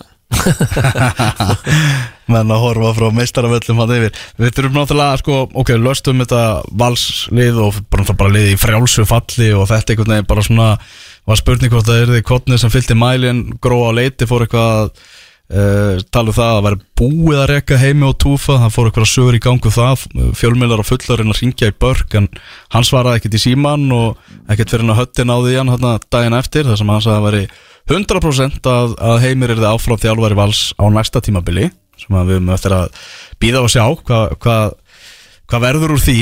Uh, þetta er uh, og þú veist, Börkur svaraði ekkert í síman hann að daginn eftir þetta vegna þess að hann var í sundi með fjölskyldunni eða eitthvað sko. Nei, nei, bara að vera að fara yfir málinn og svo þegar hann var tilbúin já. til þess að var, og kannski var komin með svar svaraði hann hérna svaraði hann þetta og sagði er þið bara áfram, áfram þjálfari? Að hann er þjálfari en spurning hvort það verið gerði einhverja breytingar á, á teiminu. En sko, þegar við vorum að skoða þá, þá hérna uh, ráma mig það að við höfum rætt að, að, að, að mí- mí- mín skoðum var allan að svo það vantar bara hraðælið. Það, það, það hefur alltaf verið leiði ljúst fyrir, það vantar líka alveg fyrir. Það er ekkert svona, það er engin svona X-faktor í liðinu, erum við klikkaðan strækjar jú, Kristinn Freyr má alveg kalla svona X-faktor en, en þeir vantar svona eitthvað eitthvað ekstra Já, og eitthvað sem að, þeir sem átt að, það, átt að vera það voru sem Akkurat. Tryggvi og, og, og Galdri. Algjörlega, þannig að hérna þetta er einhvern veginn ekki alveg, alveg smollið höfum og, og hérna en, en mér finnst nú persónulega galin umræða að vera eitthvað að segja að fara að reka heimi eftir, eftir hérna einn Íslandsmeistaratitil og, og hérna uh, svo er hann nú með liðið í 15 seti ég meina, Rúna Kristins er búin að lenda í hvað, tvö ár í 15 seti eða eitthvað það er nú ekki að tala um að reyfa hann eitt sko. Nei, en það kröfunar eru rosalega miklu þarna og þeirra á mjög takmarkan húma fyrir því að komast ekki á hérna í Evrópu og svona það er farið út að byggja þau núna og mjög litla líkur á valur sé að fara í Evrópu. Eða, lit, og það er ekki miklar, ok, það er ekki miklar. Það er alveg séðan sá því Það er alveg sens, þeir klára móti með, með stæl og vikingandi taka byggarinn sko. Uh, Já, en, en að reka náttúrulega er svakalega brútal en það er líka spurningin, þú veist, þeir á vantilega sest niður og einhverju sagði bara að það er rekan strax, að það er rekan strax og þá hefur einhver annar við bólið sagt bara ok, ok vinnur, hérna hvernig ætlum þú að fá? það er bara akkur þannig. Er einhver þjálfari á Íslandi jú, ok, Óskar Hafn getið þjálfaval hann er ekki að fara frá breyðablíki næsta skraði hans er að fara út. Þeir eru aldrei að fara án erfupenningana þeir eru aldrei að fara að bakka inn með 100 miljónar sem að vikinga vilja fyrir Arnar Gunnarsson. Mm -hmm. eða veist ég meina hann er bróð dýr að hann er ekki að fara ángað og fyrir út af það hann er búin að segja vilja áfram vikingi áður en hann fyrir út líka. Uh, það eru þeir tveir og hver er næstur? Heimir Hallgrímsson, þú veist að sagan segir að hérna, Heimir Hallgrímsson sé búin að láta að vita hvað hann vilja fá í laun og þau eru ekki tilbúinir í það hver er þá næstur? Arna Gretars Já, það ok, ég skal gefa ykkur það, það er enda minnst að fínt sjátt Mm. Ég veit að það eru einhverju stundir með káa sem að eru rættur um það að það verði eitthvað reynd að toga uh, rækila í Arna Gretarsson í, eftir, eftir. Það er bara mjög eðlilegt sko, ég meina það er bara það að leita eitthvað út fyrir landsteinuna þannig að er gamalt og það eldist bara Skilur, þannig að þeir þurftu svolítið að taka vantilega ákvörðun ætlum við bara að eh, aðeins að fara að reyns út hópin þú veist bara að reyna að keira inn einhverja nýja leikmenn held í staðin fyrir að finna einhvern nýjan þjálfur sko. Já, ég held líka bara hérna það verið einhvern veginn svona, svona þunglamalagt einhvern veginn allt í kringu val bara, mm -hmm. tímabili er að, er að bara verið þungir og, og hérna einhvern veginn ekkert spes fótbalti sem var að spila. Nei, nei. vantar alltaf léttleika einhvern veginn í þetta og svo að vera að merja úsliti leika til leik sko. Þar sem maður fannst einhvern veginn aldrei vera neitt sérstaklega góður sko. En hérna en þeir verðast allan að ef, þetta er, ef að börkur eru ekki skrökva og, hérna, og ekkert kemur upp og þetta getur alltaf heimir sagt upp sjálfur ef að, ég, þó ég hefist það að það verði, svo verði raunin að þá hérna að þá verðast þér allan að vera að treysta á hann frekar heldur en eh, eitthvað annað sko. Já, ég meina, fara þær ekki að skoða bara hvort að geti eitthvað hreift til í, í þjálfara liðinu sinu Jú, og leikmannamálum.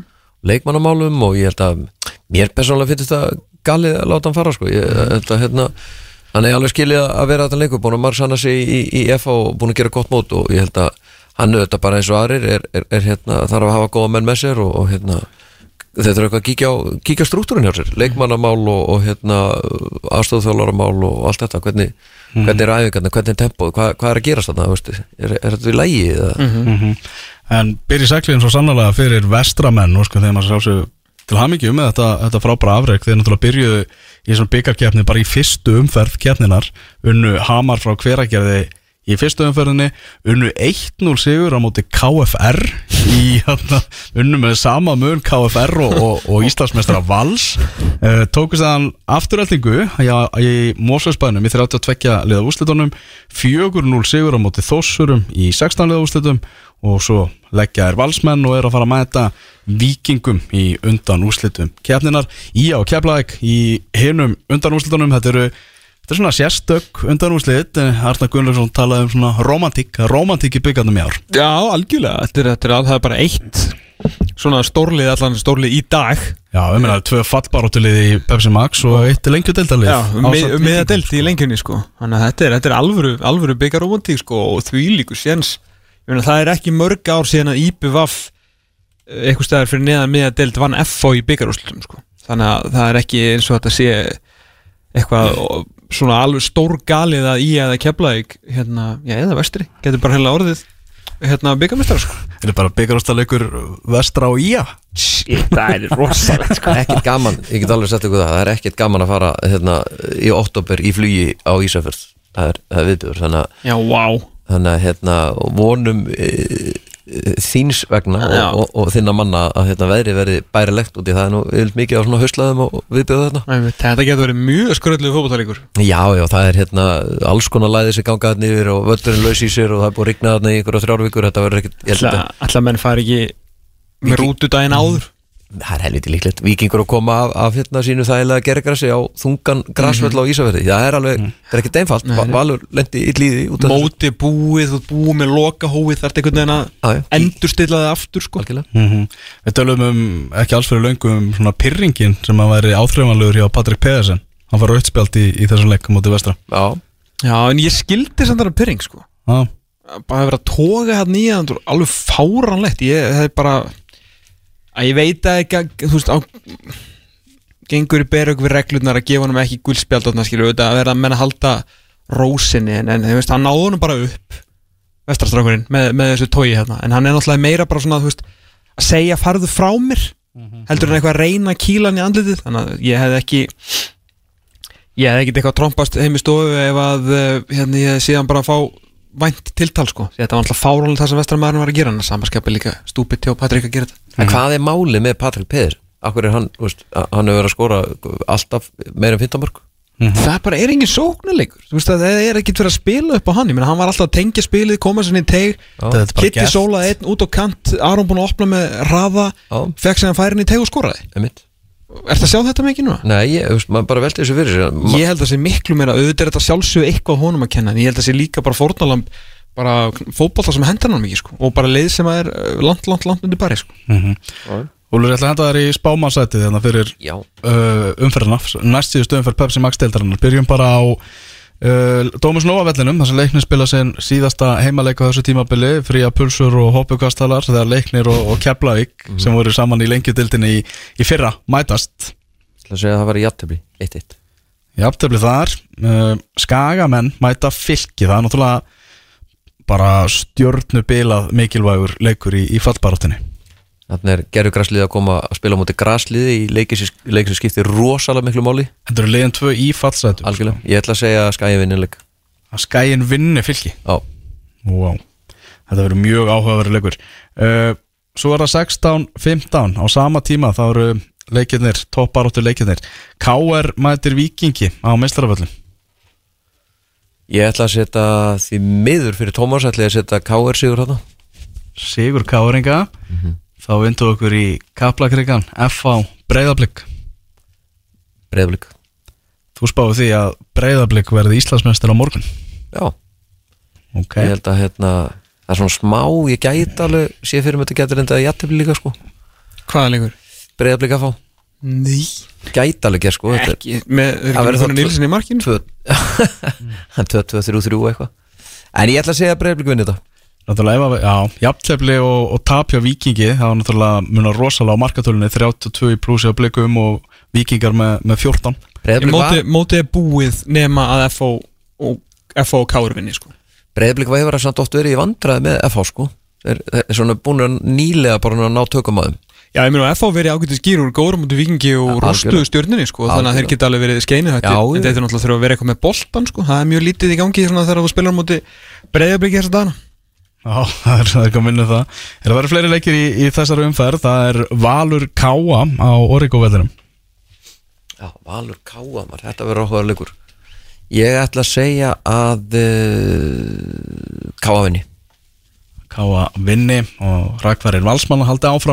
og svo er það á mánudaginn HK Stjarnan í Kórnum.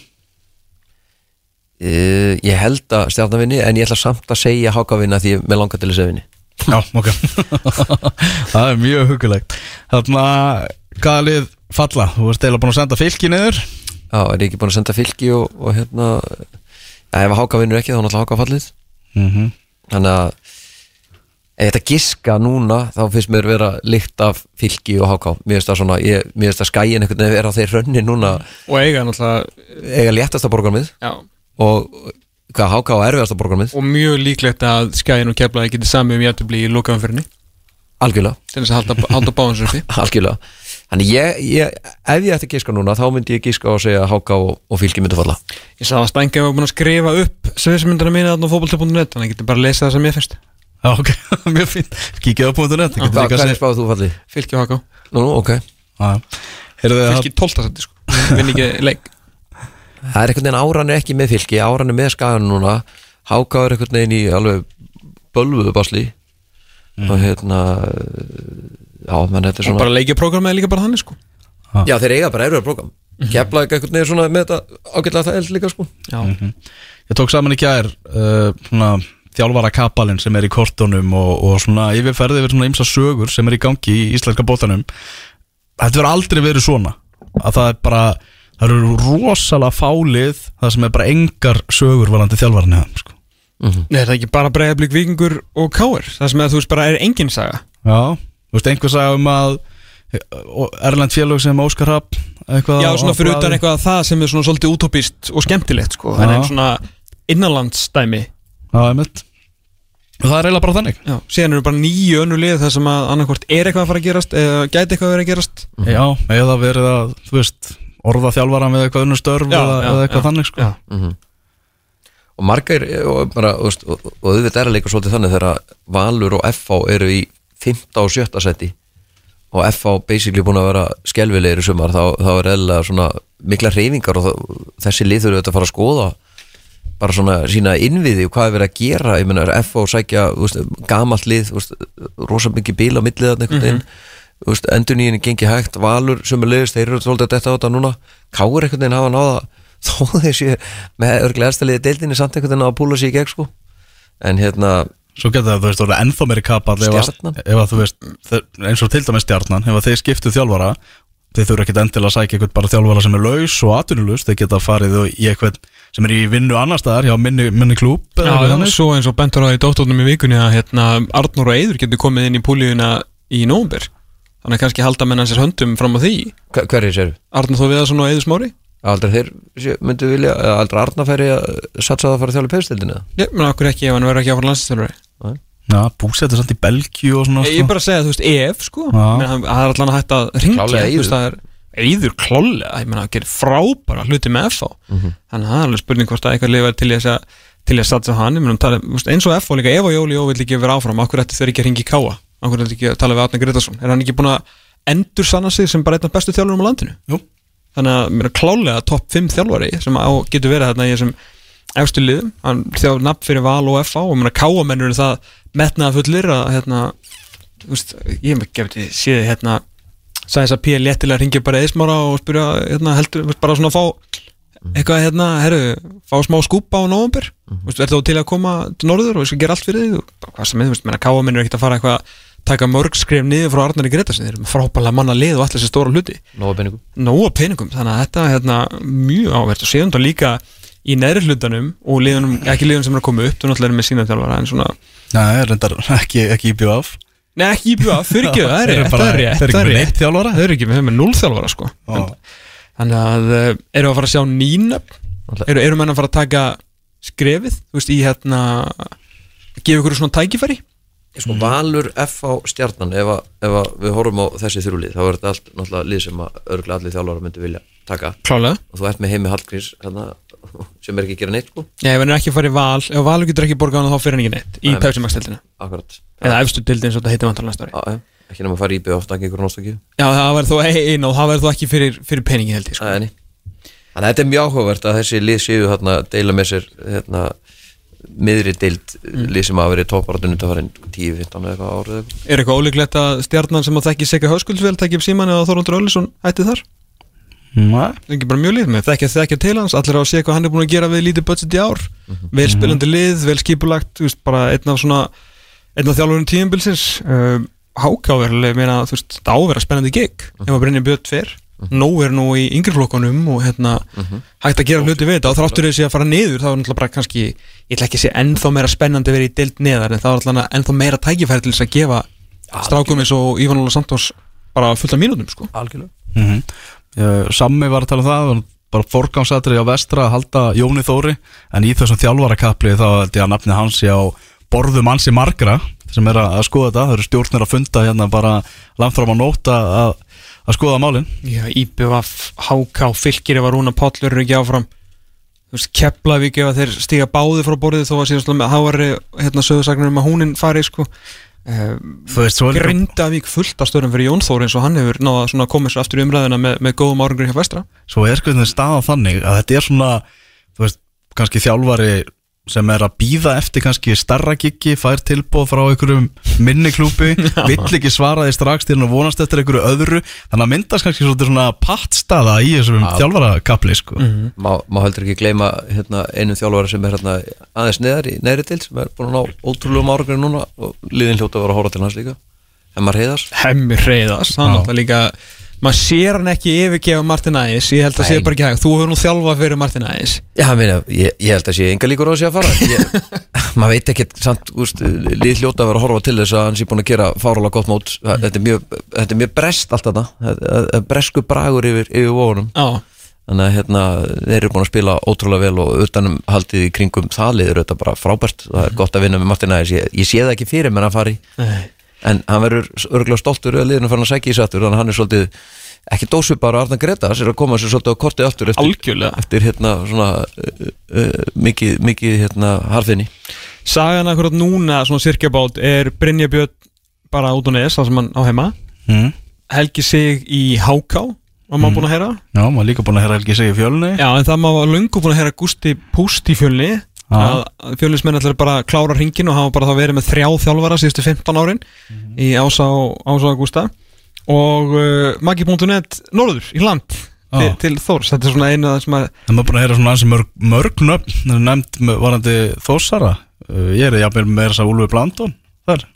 Já, Ég, ég las það á já, það kom á óvart. Ég, hérna Er eitthvað til þessum sögursöfnum? Hefur verið komið að máli við þig? Nei, nei, ég, Ok. hérna, ekki, ekki ennþá allána og hérna, en það er bara heiður að vera orðað við þórslið Mhm. ég efast ekki um að ég geti gert mót, gott mót á það þannig að ég held að hérna, Mikil vombriði náttúrulega hjá þeim í, í suman gríðarlega vombrið við vorum með að ræða þetta hérna, hérna í, við vorum að spila nýja lagi með Soma hérna, að, að horfa á þórsliði fyrir neðan Selfoss og afturöldingu er svolítið skrítið hérna, lið sem hefur einhvern veginn alltaf verið á þeim stað að að berjast um það að komast upp í, í hérna, úrasteldina en einhvern veginn alltaf sprungið á síðustu metrunum. Og nú er þið bara búin að vera skýtlélegir heilt, heilt tímabil og, og hérna, ekkert, ekkert gengið höfum og, og hérna, manni finnst þetta ekki alveg mann finnst þetta bara tabla lítur svolítið skringil út með Þór hérna, rétt fyrir ofan falsati Mm Ef að ég myndi hérna Nú hefur þú eh, Já, svona með alla bláa beltið Jafnvel brúna beltið Því að koma liðum upp. Mhm. uh, hérna, Og svona ú- í baróttinni Búin að halda háká núna uppi Mhm. Kom skróttu upp skilur Þekkir þetta. Hvað er svona Finnst þið mest spennandi gigið í Lengjutildinni? í lengjadöldi núna? Já, mm, ef maður bara bjóða reistarf já, Svona sem er laust sko Fjölnir, gróta held að fjölni sé nú alltaf svona mest spennandi dæmið í, í, hérna, í lengjadöldin, ég held að allir þjálfar horfið til þess að Af hverju? bæði bara yngri flokkanir stórir og það er mikið af ungum og efnulegu leikmennum manna eins og, eins og persínlega sést. Þú veit með markmanni sem ára stíða sem fyrstu skrif og er ótrúlega góður, þannig að það er alltaf það er fullt af leikmenni sem koma upp í gegnum yngri flokkastarfi Glás af yngri flokka Glás- landsliðsmönnum Já, sko og góðum. Góðum. Þannig að þú getur gert rosalega mikið. Þeir eru greinlega viljur í að í, hérna, sækja sér leikmenn og, og svona, þetta er ungt félag og, og náttúrulega bara hvað, 20, 30, 30 ára saga eitthvað? Eitthvað svoleiðis, sko. eitthvað svoleiðis, þannig að ég held að fjölnis giggi sé svona, myndi ég segja mest spennandi lið, það er bæðið bara, ég held að hópur er þessi góður, það er góð satning, samsetning á aldrinum.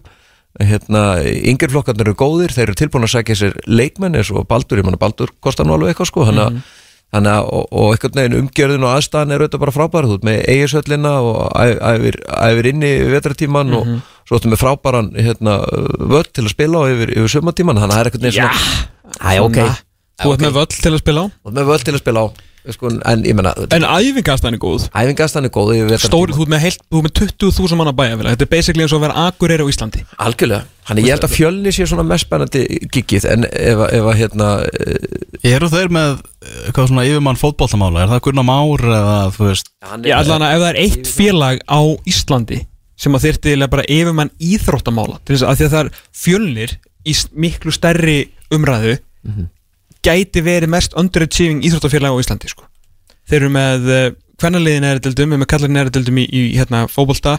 Þeir eru neðrildildum í handbolta held ég bæði kall og kvenna og í körubólta, svona detta svona upp og upp meðan við yfkanda fjöldan skilju þú, ég veit þetta er ungt félag og það er bara fólk er að læra að stjórna menn það er allir að læra skilju og kannski ég sagði nú okkur í hérna bjórkvöldi fjölnist fyrir þegar voru nýlegar hérna þar s- síðast sko þegar mm. Óli Palli var að þjálfa og sagði ég við að þú veist hafið engar ágjur eftir 20 ár verðið því breyðablik mm -hmm. skilju þú veist að annað meikar ekki sens með við hérna, Nei, en þú þarf náttúrulega að halda vel utan um Já, sko. það gerast ekki sjálfkrafa það gerist nefnilega ekki sjálfkrafa og það er náttúrulega þú veist þess að kemur að þessu myndu, ok, það er náttúrulega knaspundeldingar sem kemur ekkert endilega við hvort að félagi sér einhvern yfirmann íþróttamála en fjölnir með alla þennan yðkenda fjölda til þess að gera ennþá betur fara að selja fleiri leikmenn frá sér ekki í eitthvað annulið og ekki vera að horfa á fjölnismenn það er kannski 15-20 fjölnismenn alltaf sem byrja fyrir háká og þetta meikar ekkert senn sko. Þetta rosalega skrítið. ekkert félag á, eða liðið á fjölag á Íslandi sem þarf mikið á yfirmanni knaspunmála að halda og fjölnir sko Nei, ég held ekki, að- sko, gott mynd tók, ég hef oft tekið fjölni sem dæmi um félag sem að hefði og, og þarf að fá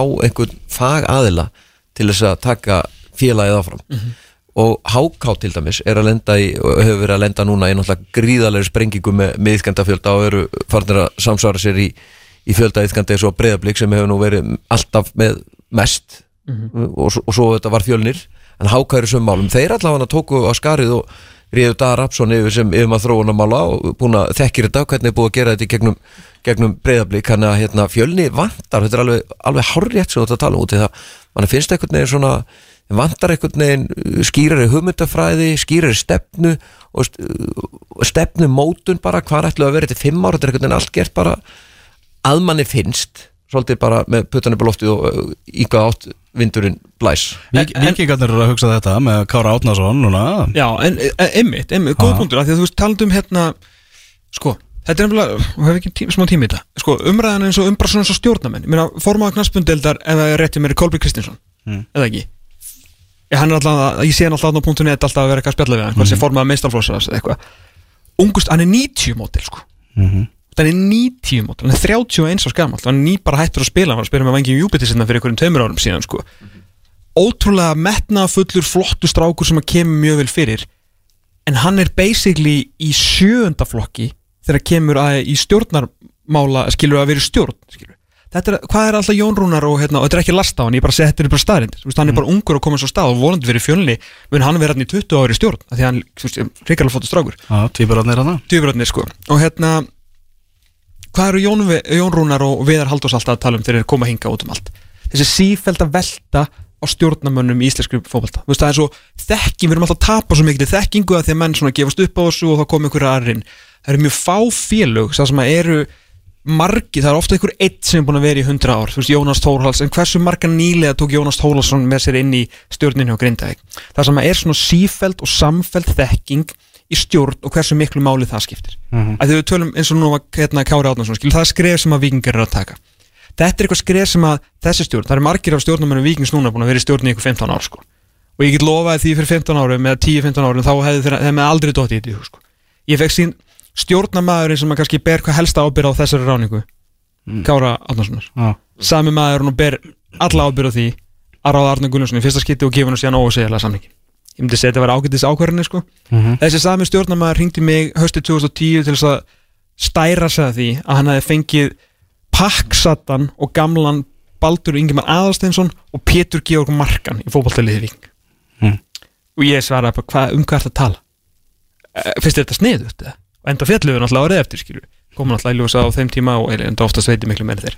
Uh, þetta eru sömu mennir þeir bara læra með og í dag er stjórn vikings bara drullu öflug. Alveg svo FH stjórnin bara valstjórnin, KR stjórnin það sem er bara sífeld og samfeld þekking og menn auðvitað hafa menn eins og stjórnamenn eins og leikmenn og þjálfara runnið á raskætti þeir eru bara að læra í starfinu skilur Já, algjörlega og þetta er einmitt það sem er sérstaklega kannski í gangi með fjölni og fleiri ung félug skilur að það er bara metnaðfullir strákar og stelpur eða þú veist kallar og konur sem að koma inn í þetta.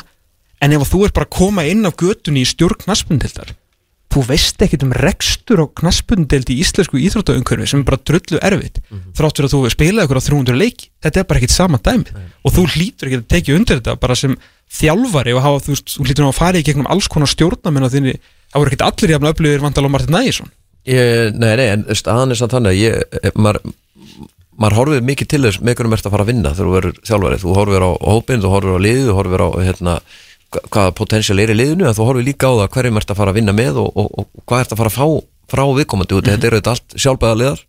Með og hérna hafa misjafnan tíma og þú vilt einhvern veginn vera með það fyrir vissu að þú sért að fara að vinna með manni eða konu sem hefur tíma og mikinn tíma. Já.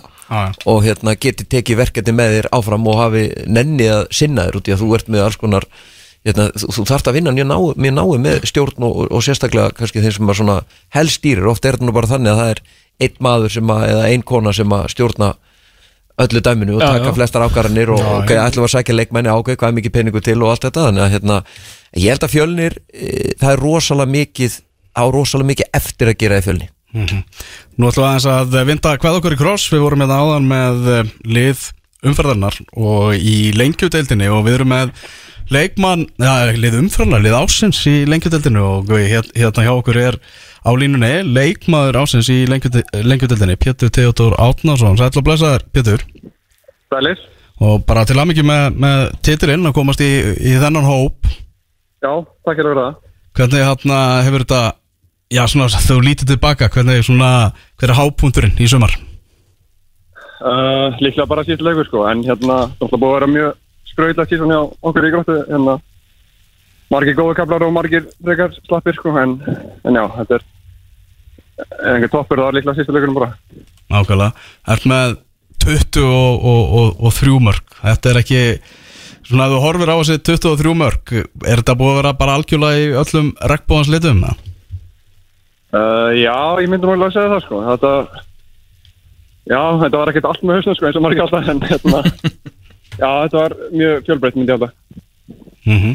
Hérna, mér langar að spyrja einna spurningu hérna, hvað er það svona sem að þú hefur gert nú ertu búin að vera lengi í fótbolta og, og, og þetta er búið að vera svona algjör öskubusku saga hjá þér, hvað getur þú sagt við unga leikmenn sem að, hérna, hvað er það sem að breyti þér úr, úr hérna, þeim leikmann varst í leikmann þú ert í dag hérna, bara besti leikmann lengjudeldarinnar Hva, hvað gerður þið til þess að koma stað sem þú ert í dag?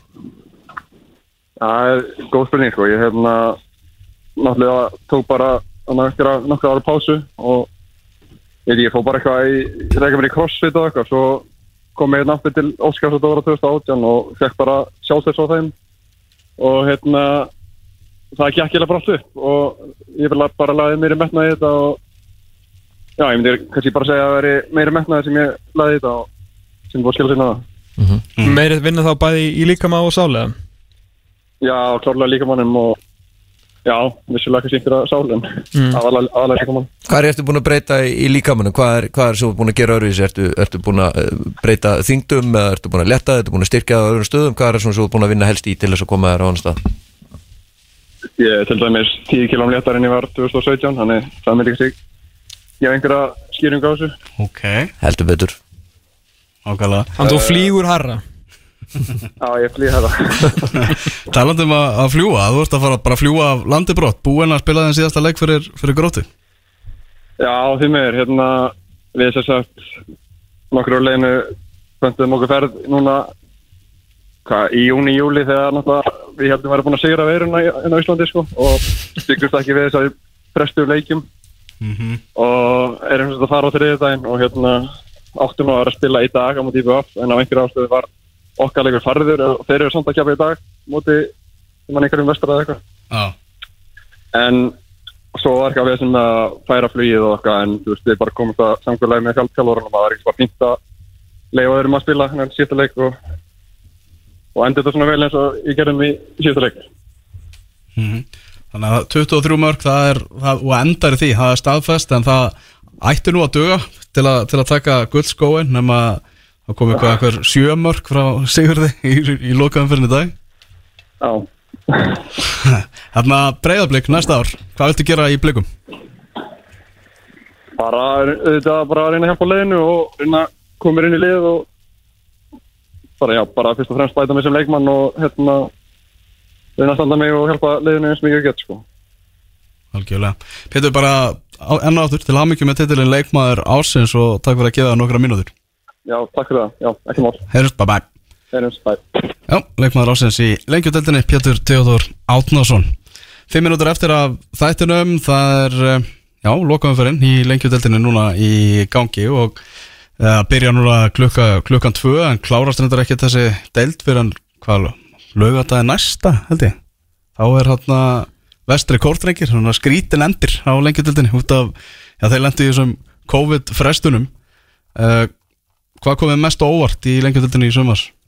Ólur Þetta er búið að vera mjög svona óvanlega dild fyrst mér hérna, bæði það að, að grinda ekki sé þetta neðalega ég held að það sé hérna, skrítið mann finnst það einhvern veginn svona allt og það er nú spennandi gig líka fyrir marga þjálfara, gríðalega góð umgjör og, og hérna, góðu menn að minna á bakvið döldin þar sem að, hérna, og, og til peningar til þess að gera eitthvað. Uh, ég myndi segja að Þór hérna, kannski talar um það það Já, Þórslið, ég myndi segja Grindavík komir óvart, maður komir, komir ekkert óvart að hérna, vestramenn eru bara hafa silt svona þokkalega lignan sjó. Þeir, þeir voru góðir og þeir maður var að spekla í liðinu þeirra, þeir eru búin að segja góða, sterka útlendinga og hérna eitthvað neginn, en það er auðvitað ekkert auðvelt fyrir vestra að- gera eitthvað mót þeir eru með handónið aðstöðu.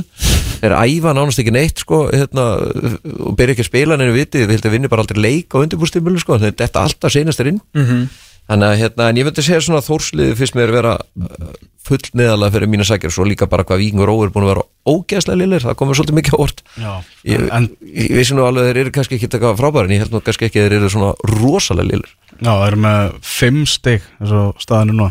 Það er ekkert, það er ekkert útiloka að Sigur Bjartur setur sjö.